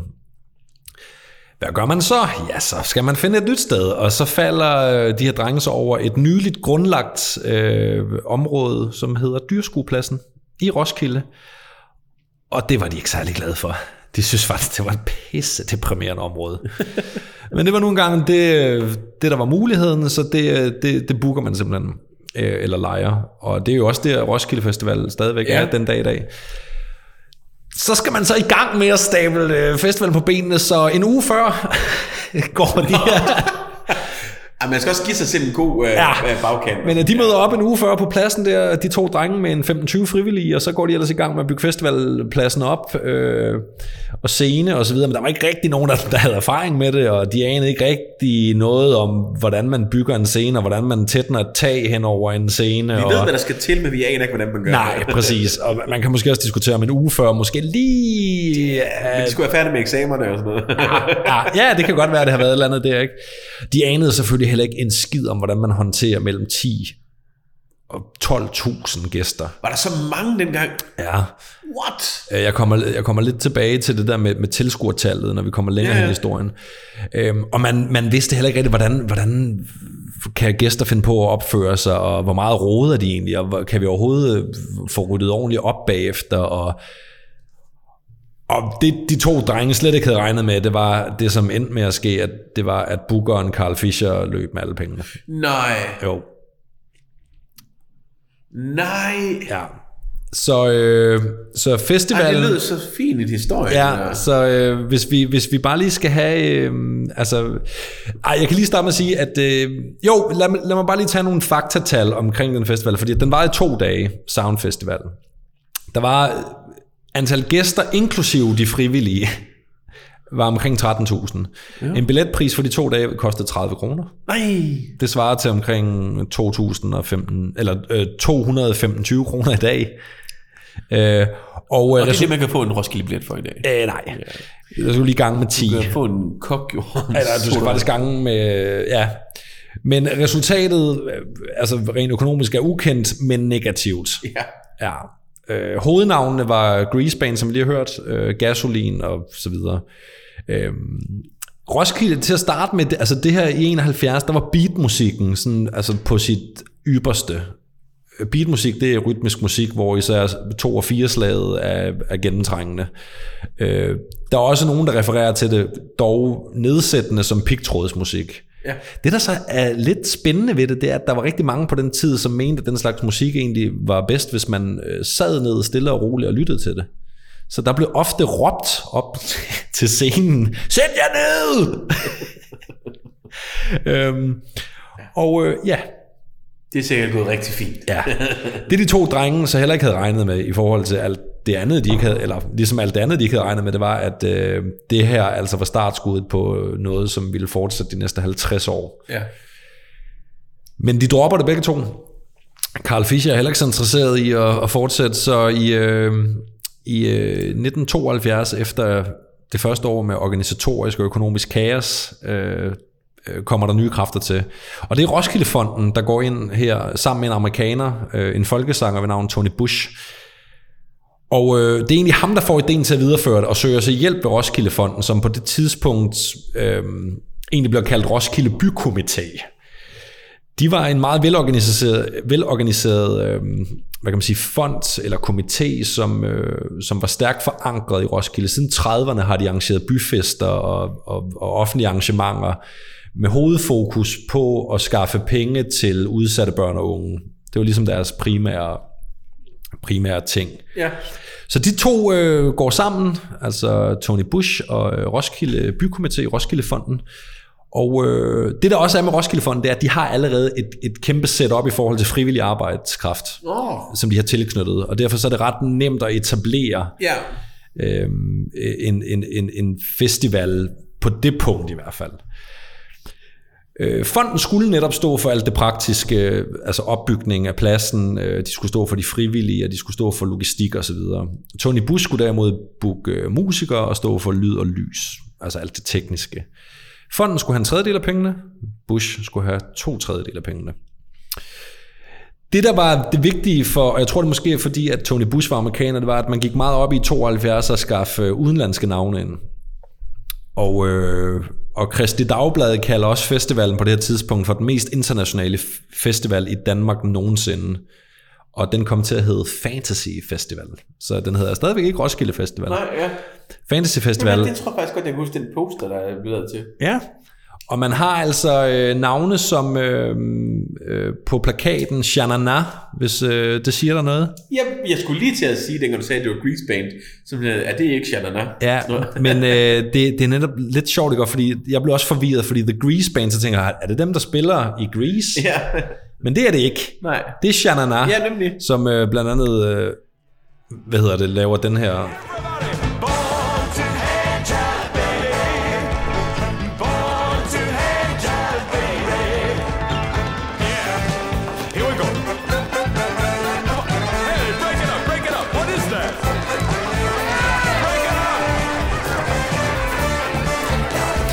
Øh, det er det band, som øh, spiller øh, øh, en, flere sangene i Grease-filmen. Ja.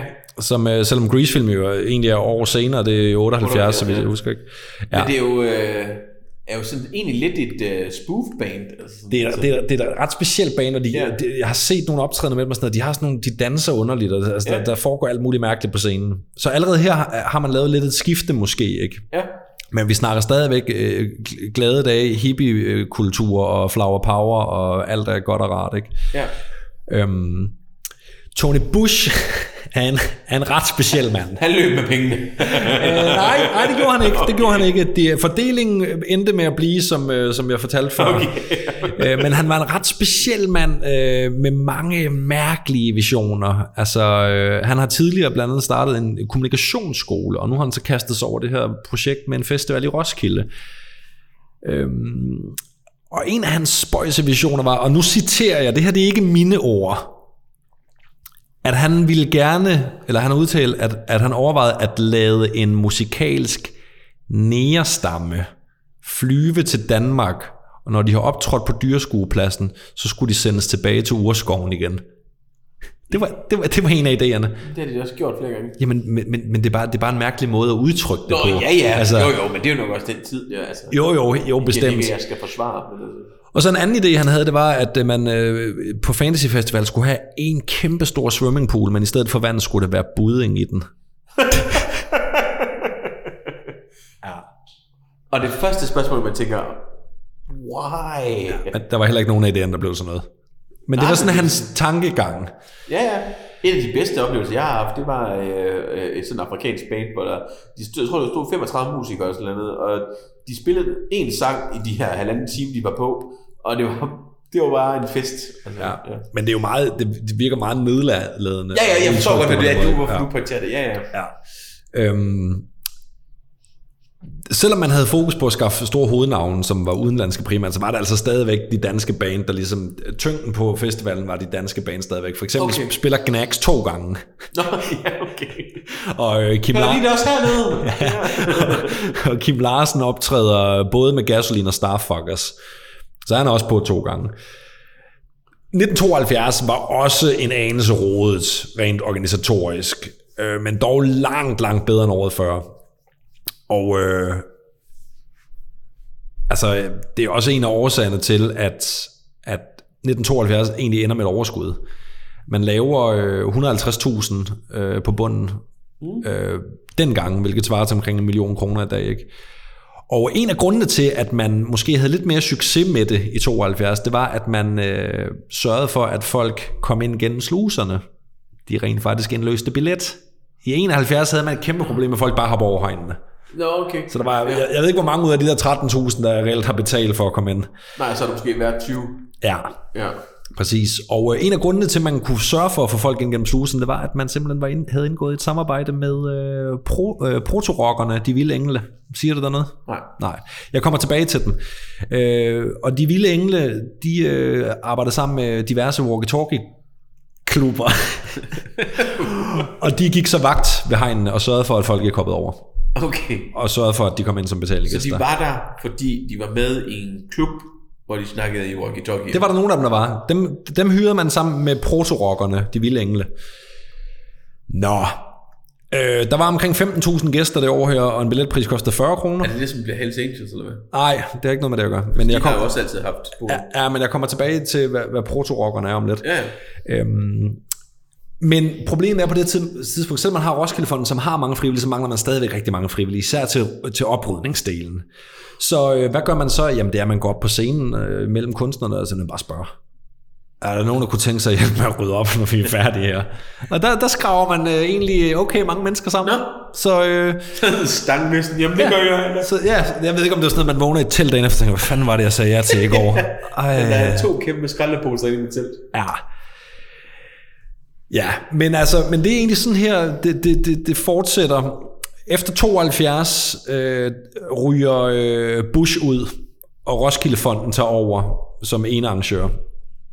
Og øh, der er formålet, som det stadigvæk er i dag, det er, at alt overskud skal gå til almindelige, øh, specielt dengang var det børn og unge, men, men altså forskellige velgørenhed. Ja, man kaldte det jo ikke dengang, det gør man jo nu, men en non-profit. Ja, ja. præcis. Det, det kommer jeg også tilbage til. Så det var ikke nemt at arrangere øh, festivaler, hvilket jeg heller ikke tror, det er i dag som sådan. Jeg tror, det kræver det... Et kæmpe, kæmpe arbejde. Corona har også gjort det rigtig sjovt. Ja, det, det har ikke hjulpet Nej. øh, på det. Så øh, man fortsætter op gennem 70, eller fra 73 op igennem 70'erne de næste par år med egentlig at drive det selv og så videre, og man har egentlig sådan okay succes. Man, man øger egentlig øh, tilskuertallet, Nå, ja. eller gæsteantal, antal, hvad hedder sådan noget, folk der har lyst til at komme. Ja, det øges langsomt, øh, men så i 77, der rammer man lidt en mur. Øh, Svend Åge øh, Andersen, som er frivillig, også kaldet Svoge, han udtaler, mens festivalen stadigvæk er i gang, det er den dårligste festival, der har været. Og øh, det er han ikke den eneste, der synes. Der er rigtig mange, der er skuffet over det her. For det første, så var festivalen sejlet væk i regn. Det kan man jo så ikke gå for. For det andet, så var der rockerballade. Nå, Og for det tredje, så var musikprogrammet kedeligt. Altså, øh, man havde hyret nogen som Ian Gillian Band og The Jack Bruce Ja. Band. Ian Gillian, ja. Ja, og det er jo musikere, som er kendt for Deep Purple og Ja. Cream. Og han spillede Jesus i Jesus Christ Superstar. Ja, men det er altså musikere, som ikke rigtig slog igennem solomæssigt. Øh, og der var mange, der mente, at det var sådan lidt, man havde prøvet at hente noget tilbage fra fortiden af, og, og prøve at booste øh, ungdommen med det, som ungdommen ikke rigtig orkede. Og Eks- Ekstrabladet skrev også i en anmeldelse, at den ældre generation har placeret sin svedige kommercielle røv på dyreskuepladsen, så de unge ikke kan få luft. Så var Thomas Treve allerede dengang? Ja, det skulle man tro ikke. Øhm, men det, der var med det, det var, at, at, at, at rockerne også var et stort problem. Nu snakkede jeg, de her proto-rockere, som, øh, de, som blev, hvad hedder det, øh, de vilde engle. Ja. Det, der er med dem, det er, at de havde et hippier. Jamen, sådan er det perfekte sted at være. Ja, de havde et hippier. Men man var allerede bange for, at de skulle lave ballade i starten, altså i 72, da man hyrede den. Og netop derfor hyrer man dem. Man betaler dem 5.000 kroner for at holde vagt, og så er vi ligesom, okay, så, så er vi sammen om det her. Så hyrer vi jer ind, så kommer I ikke at lave ballade. Og det gik så måske også fint nok til at starte med, men Det er de, ligesom betalt skyld, beskyttelsespenge. Ja, et, ja, ja, ja, et eller andet sted kan du godt sige det, men, men de ryger så alligevel lidt i tot, totterne på hinanden, altså de bliver i hvert fald uvenner. Hårdt sådan om det. Ja. ja. Og, øh, og efter det, så truer de her rockere så med at komme og spolere det hele. Det er jo fordi, det står i deres Ja. go-to-liste. Det bliver så ved truslen indtil 76, hvor de første gang invaderer og laver noget ballade, og hvor politiet også øh, øh, kommer og smider dem ud. Alle med rygmærke går simpelthen ud. Ja. 50 mand på en dag. Det går så endnu mere amok i 77, hvor der kommer endnu flere. Og det er altså sådan noget med, at man går rundt og provokerer alt og alle. Man øh, starter slagsmål bare for slagsmålets skyld, og der står endda beskrevet af dem, at de gik rundt og pissede på tilfældige gæster, og øh, åbnede slamsuger, øh, så der flød, kan du nok regne ud, ud over Ja. det hele. Og det var selvfølgelig med til at give festivalen et, øh, et, et negativt image. Ja da. Det har man jo ikke lyst til at være med til. Nej. Men det var også samtidig lidt enden på hele Og den der... vil ikke sende sine børn. Nej, nej. Det var, men man kan så sige, det var også lidt, øh, det var også lidt der, det var slutningen på hippie-drømmen, om du vil. Ja. Altså det, som Woodstock var startet med, og som var blevet øh, kørt videre i Danmark og så videre, det var altså blomstertiden, de glade dage, øh, Ja. fri kærlighed, alt det der, det var lidt slut. Og det havde også noget at gøre med, at i slutningen af 70'erne, der, der var arbejdsløsheden blandt unge i Danmark tårnhøj. Nå. Og der var ma- masser af vrede blandt unge, øh, som ikke følte, at de blev hørt og set. Og der fulgte festivalen ikke med. Altså de, de tænkte, at vi kan, vi kan lave vores glansbillede af en festival, og så glemmer folk det en stund og så videre, men det, sådan fungerede det ikke. Nej. Man, man fulgte simpelthen ikke med. Man tilpasser ikke sin festival øh, til det samfund, den var en del af. Øhm, ja. Så derfor, hvis festivalen skulle være relevant, så måtte den følge med tiden. Og så kommer vi op i 78. Og bare rolig, jeg gennemgår ikke alle årene. det gør jeg ikke. Men det, der er lidt interessant i 78, det er, at der er en fyr, der hedder Leif Skov, som er formanden for den... Ja, for, Nå, Leif. ja, han har også været formand for hele lortet. Ja. Men i, på, i 78 var han formand for den gruppe, som, som bygger scenerne. Eller ja. Ja. ans, han har ansvaret for scenerne. Og øh, han øh, falder lidt tilfældigt, eller kommer lidt på, tilfældigt på sporet af det, vi i dag kalder orange scene. Ja. Dengang kaldt øh, Canopy-scenen, øh, jeg tror det er stilen Altså som... Nå, ja. på, på scenen, ja. Ja. man kalder Canopy, altså C-A-N-O-P-Y. Og han ser den i uh, musikbladet New Musical Express, og han er ret vild med udtryk, og så begynder han at bygge sådan en lille model, selv ud af noget karton og nogle clips og et lille lag og sådan noget. Ja. Men det der så sker, det er, at øhm, den scene her, han ser i det her blad, det, den er blevet lavet til Rolling Stones, til deres Europa-turné i 76. Og den var kun blevet brugt meget, meget let. Og det er også, en af årsagen til det er også, at, at Rolling Stones turné foregik øh, mange gangene indendørs. Det vil sige, man har slet ikke brug for scenesetupet. så den var ikke blevet brugt særlig meget. Men det er ligesom en kondom, men det er bedre... Ja, jo, jo, være på den sikre side. Men efter Rolling Stones så var færdige med deres Europaturné, blev den brugt til en enkelt støttekoncert i Hyde Park, hvor Queen blandt andet optræder. Mm. Og så lå den ellers bare i en hangar og samlede støv. Og dem, der ejede scenen, var til Roskilde Festival store held ved at gå konkurs, og derfor lykkedes det så Roskilde at købe scenen til øh, dengang 10.000 pund. Det svarer til i dag til omkring 400.000 kroner. ja. Så det er jo ingenting. Til sammenligning kan jeg sige, at den, øh, den scene, man havde dengang, skaffede man, altså man lagde en ny præsending på, altså det der ligesom er orange, Ja. Øh, det lagde man et nyt på i øh, 83, og det kostede 1 million kroner, svarer til 2,2 millioner i dag. Men det der er med Roskildes, eller med orange scene, grunden til, at også at, at, at, at man måske valgte at gå den vej, og det, den indflydelse, den havde, det var, at, at ved at erhverve sig den scene, så løftede Roskilde sig op på et helt andet niveau. Øh, man blev Altså fordi den var større? Ja, eller? men, det, jamen udtrykket var mere seriøst. Det var, det var en rigtig scene. Den var ikke, den var ikke bygget op af stilaser og, og, og, Nej, og, ja. og, og, og paller og med utæt tag og sådan noget, som man havde gjort årene før. Nu havde man en seriøs scene, og lige pludselig blev man også accepteret eller set på som en seriøs spiller i det her øh, Ja. festivalmarked. Ja, men det hjælper vel også, når man skal booke bandshow. Præcis, fordi det gør nemlig, at man kan tiltrække sig helt andre navne. Ja. Bookerne tænker, okay, der, de har styr på deres shit, det her. Ja. Her vil vi gerne sende vores kunstnere hen, og så videre, Er ikke? det, er, er det mejerikasser, det der? ja, præcis, ikke? Så, øhm, og så kan man så sige, at den anden ting med, med, med, med, med Roskildes orange scene, det er jo, at faktisk fra dag et af, har det været et varetegn, Ja. som stadigvæk er et varetegn i dag. Øh, den har nærmest med nogle få undtagelser været på plakaten hvert evig eneste år siden da. Det er et symbol på et samlingspunkt, eller for et samlingspunkt på tværs af generationer.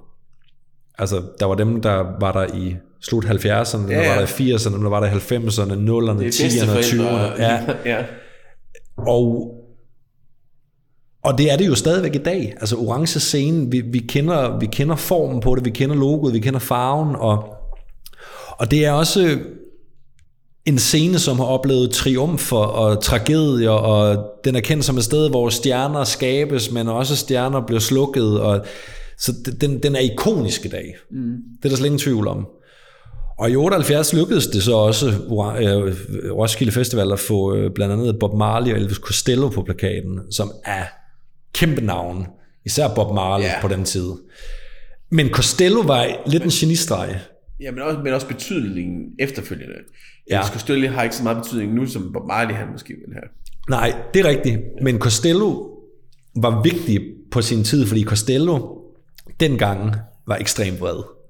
Nå, Han var ekstremt vred. Skøn type. Ja, og det passede godt ind, apropos det der med at følge med tiden, det passede godt ind til de vrede unge, kant, ja. som også var træt af det hele, og synes det hele var noget lort. De, de havde noget, de ligesom kunne afreagere til lige pludselig.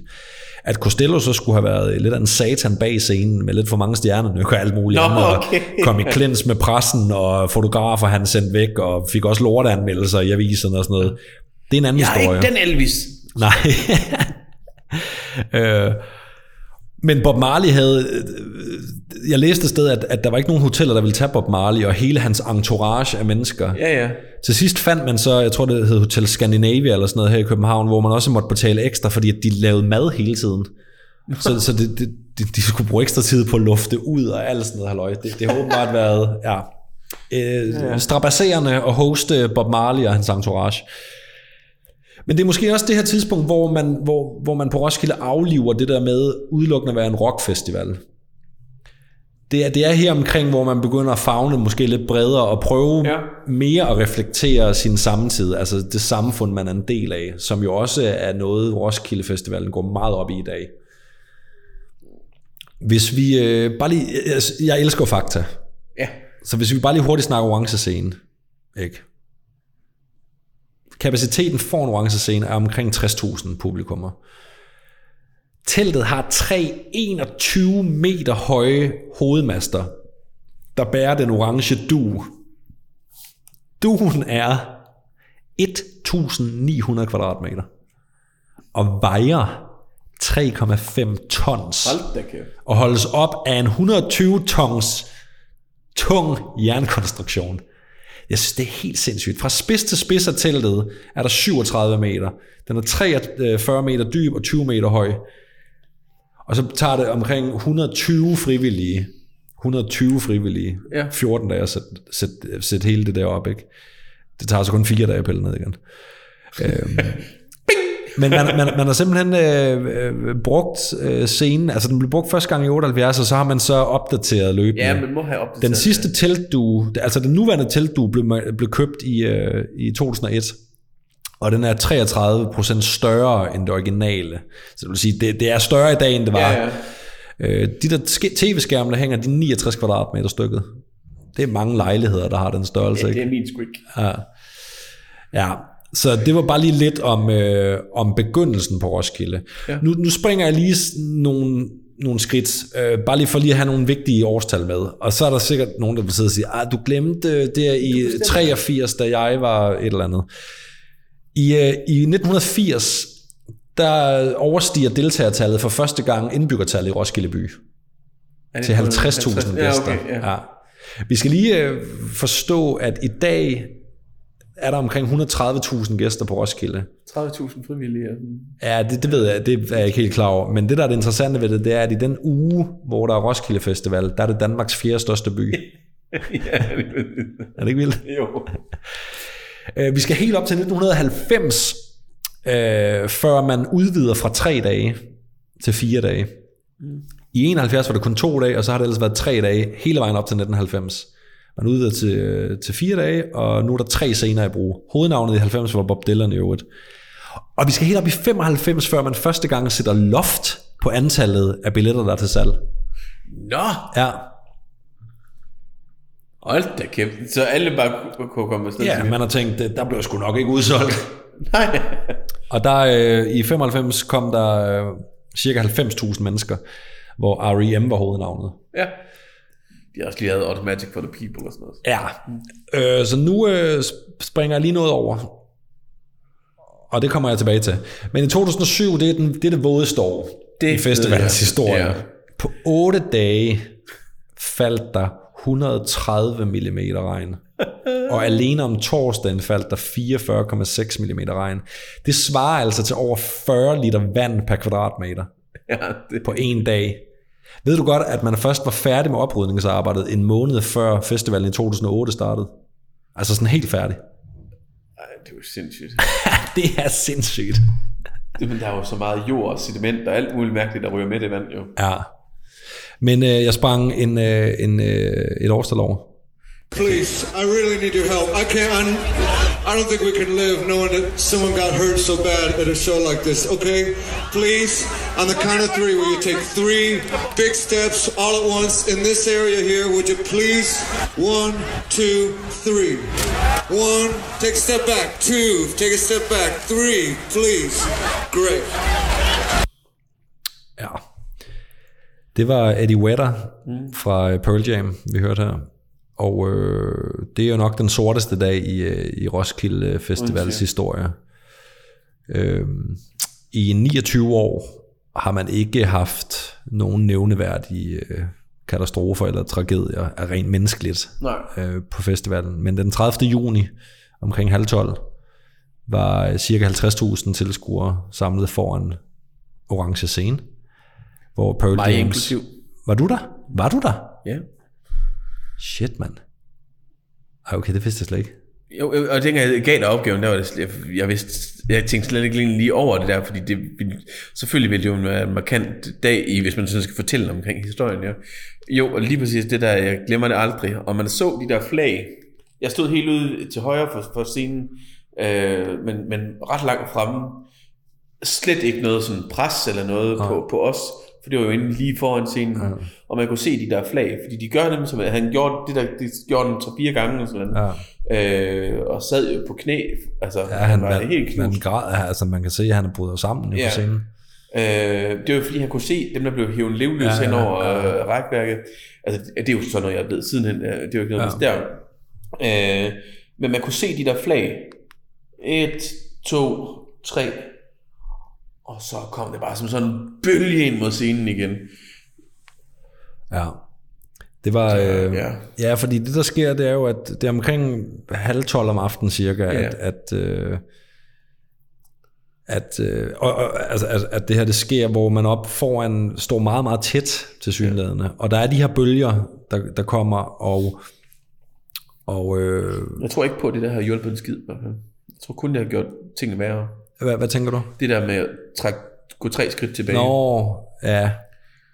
Ja, men, altså, men, men ja. stakkels mand, for hvis han Ja, ja, ikke havde gjort jo ikke- noget, så havde vi også klandret ham. Nej, nej, nej, Altså, nej, nej, overhovedet ikke. Altså, Leif Skov, han kommer jo også ud øh, og snakker til os. Ja. Øh, men altså, det er rigtigt nok det der med, at, at, at man, man, der, der, der bliver trykket og presset øh, meget op foran, og det er egentlig først, da man begynder sådan at hive de første sådan livløse kroppe hen over forhegnet, øh, og ind til lægevagten ved siden af, at der ligesom bliver slået alarm, og musikken bliver stoppet, og der ja. sker det, vi hørte her, og så videre.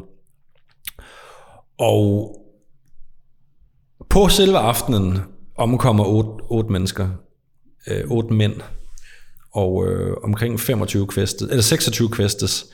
Den, den, den 26. eller jeg ved ikke, om man kan sige den 26. Men en af de 26 øh, kvæstede øh, omkommer et par dage efter, øh, efter aldrig at være vågnet. Schweiz eller sådan. Ja, det, det ved jeg ikke. Men, øh, men ni mennesker øh, mister livet. Øh, og dødsårsagen, og det er jo frygteligt at tænke på, ja. er øh, kvælning på grund af sammenpresning af brystkassen. Så de har altså ligget under, altså de er de er røget ned og ligge, Ja, og er blevet trampet ihjel. ja. Det slags også, jeg hørte også noget om, det var lidt noget iltmangel dernede under. Ja, ja, men, ja jo, jo. Ja. ja men det, altså det er kvælning, og, Ja, og så er det, Ja, ja. jeg ved ikke om alle er blevet sammenpresning øh, af brystkassen, men, men det er jo klart, at, at også fordi at det havde regnet op til, og der var, det, det var, altså du ved, så, så Ja, de, har de havde også forsøgt at putte sådan noget, øh, hvad hedder det, grus, eller hvad fanden det var. jamen øh, egentlig spåner og træ, altså du ved, Ja, ja, okay. flis Ja. øh, og sådan noget, de, de virkede jo bare på ingen måde. Ja. Ja. Der er jo flere, der, der, blev, der blev lavet flere øh, rapporter omkring sikkerheden på Roskilde øh, øh, efterfølgende, øh, faktisk hele tre styk. Og der, er- der er blevet, der er fløjet rundt med beskyldninger. Mm. Det var Roskilde, der kan styre på sikkerheden. Leif Skov burde være gået af. Han blev så et par år mere, øh, faktisk, hvilket jeg synes er ret fint, fordi at, som han selv siger, så jamen, det var jo også skridt fra ansvaret. Ja, Og jeg havde jo en erfaring, der måske kunne være med til, at, altså, ja. at det ikke skete igen. Jamen, altså, altså, Pearl der, Jam. været- Der er tusind koncerter. Øh, Ja, ja, ja, og sikkerhedsfolk sagde, at vi har jo håndteret øh, crowds på samme størrelse Ja. ja. før. Pearl Jam har også øh, fået skyld øh, fra nogle øh, kanter, blandt andet af det danske politi, med at de var også med til at opildne et publikum, og Det gjorde de ikke. Ja, det der, øh, konklusionen på det er, at øh, der er ikke nogen, ifølge anklagemyndigheden, der kunne stilles direkte til ansvar i sagen, og derfor er der heller ikke nogen, der er blevet retsforfulgt i sagen. Nej. Øhm, Pearl Jams forsanger Eddie Vedder øh, tilbød faktisk, at han ville vidne på vegne af offrene, hvis det var nødvendigt. Det blev så ikke til noget. Nej. Så øh, ja, det, det, er en, øh, det er en voldsom, øh, en, en voldsom ting, som også, apropos det vi talte om tidligere med rockerne og så videre, det er også noget, der plettede øh, Ja, ryget er- for Roskilde efterfølgende, fordi at, hvem har lyst til at sende sine øh, børn og unge øh, Ja. på den festival, når sådan noget sker? Jeg fik jo hurtigt ringe hjem til mine forældre, og Ja. fik også sat sådan en lille telefonkæde i gang, hvor vi havde det ja. godt, og, Ja. og vi ikke var noget. Og, og vi, der var jo også der var jo en mærkelig stemning derovre resten, altså fordi ja. at, altså, Ja, for man Det færdiggjorde jo ikke- faktisk øh, festivalen. i, i nogen grad, ja. Ja. Øh, det var nu slet ikke, det, er det vigtigste, det er, at der var ni mennesker, der døde, så det er slet ikke for det. Men min oplevelse var jo så også, at vi ikke fik set Oasis, vi fik ikke set The Cure. Nej, for det var et Øh, ret vildt program det år. Ja, det var vildt.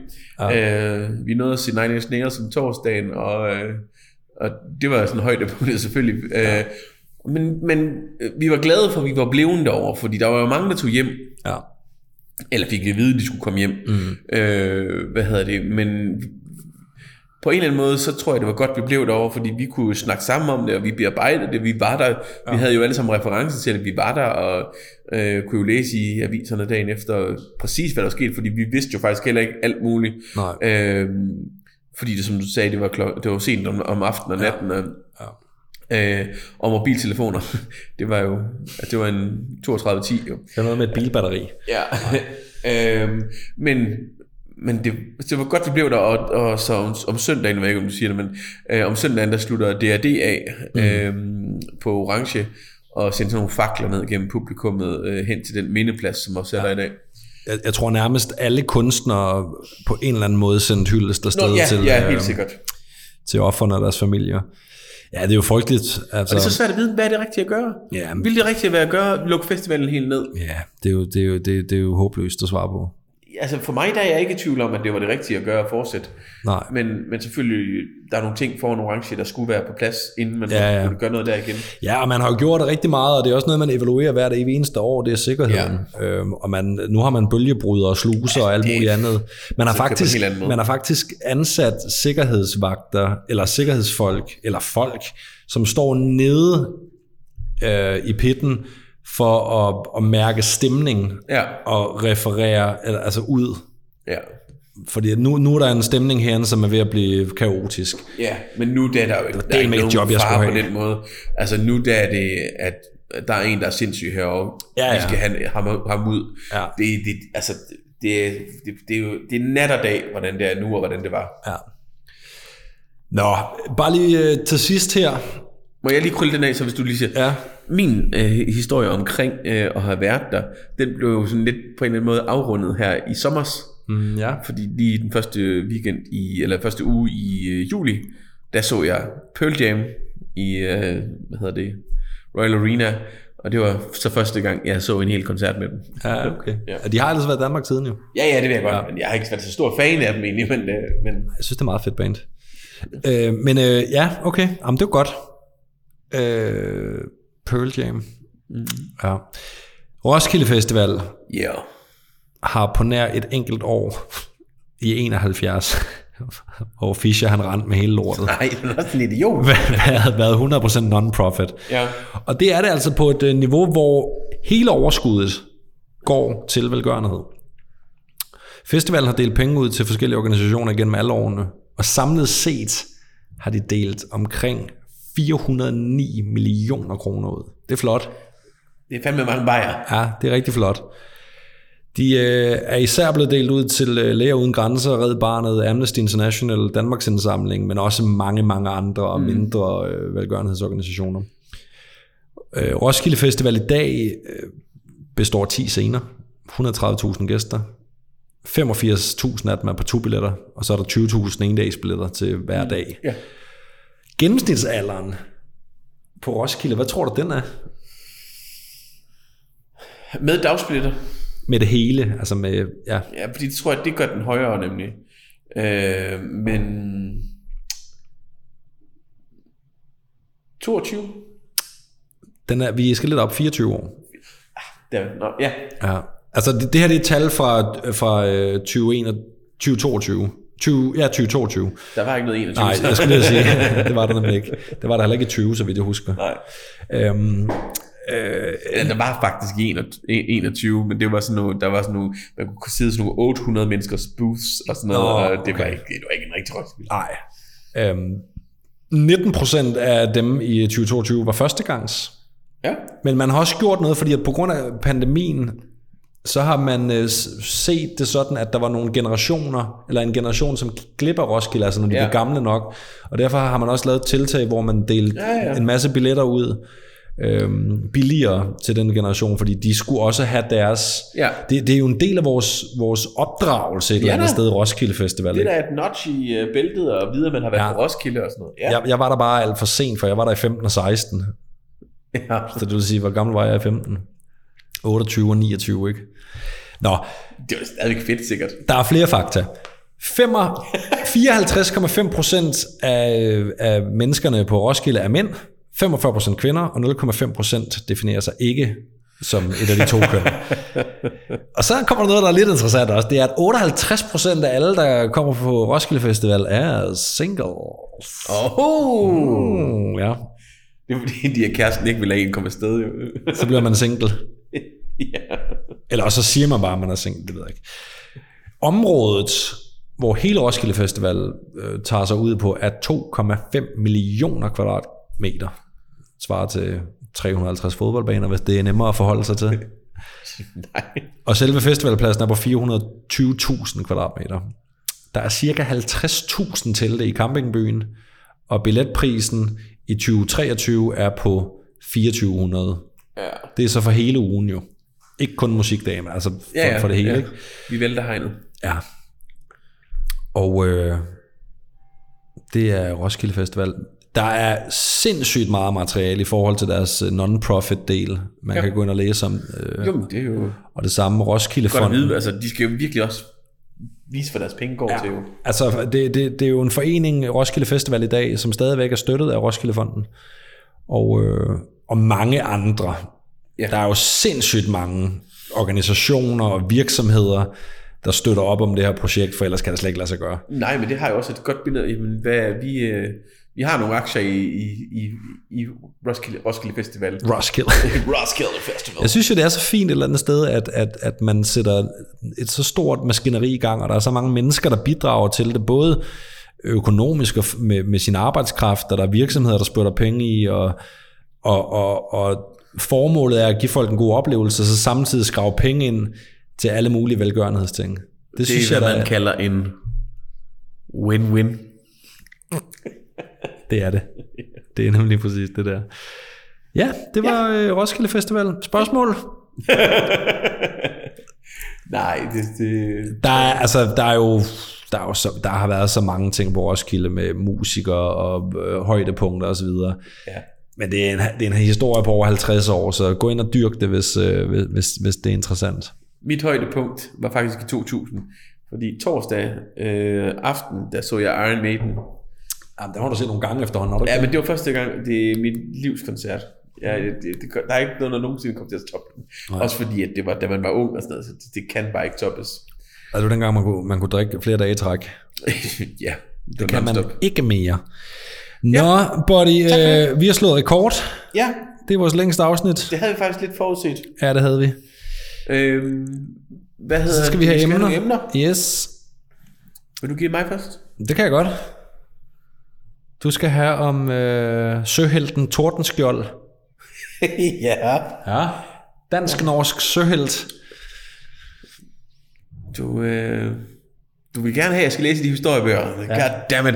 Nå, Og det er ikke tændst... Jo, du må godt komme ind på tændstikkerne.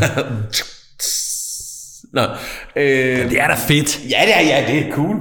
Øh, siger ham, der har fundet på det. der er, hvad hedder det, jo en musical over Torben Skjold også, og sådan noget. Det er jo Ja, godt. den, det, Og du bliver altid sådan lidt, lidt iffy, Det er jeg ikke så når, når, når, når om. det gælder, hvad hedder det, musicals. Og derfor har en, øh, en, en lytter skrevet ind, nej, jeg skal ikke have ham i Øh, nogen musical. Nej, det skal du ikke. Men der er stadigvæk en musical vinkel, hvis du vil have den. Øh. Den er fra en lytter, der hedder Katrine, som gerne vil, øh, vil øh, give dig en udfordring, øh, eller nej, som, som gerne vil give, eller at jeg giver dig udfordringen om IKEA, Nej. som der faktisk også er lavet en musical om. Ja, den kommer jeg igen på.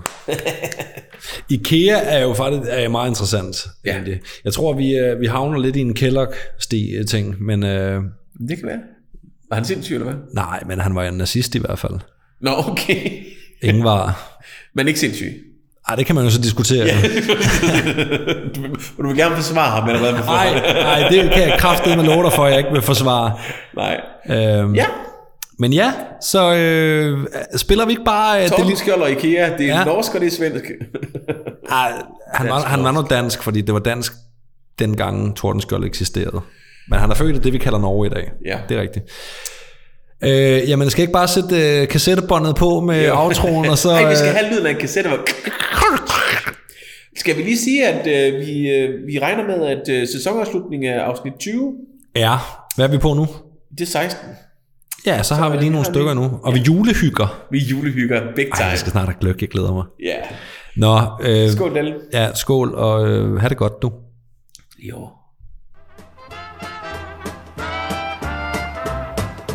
Knap en bajer op, knap to bajer op, knap heller tre, nej, jeg får en idé. Knap fire op, træk fem bajer op, træk seks bajer op. I tror, det er liv, men jeg har lyst til syv. Træk otte op. For hvad er værst i livet? Det er tørst. Det værste, det er sgu da give. Det er tørst.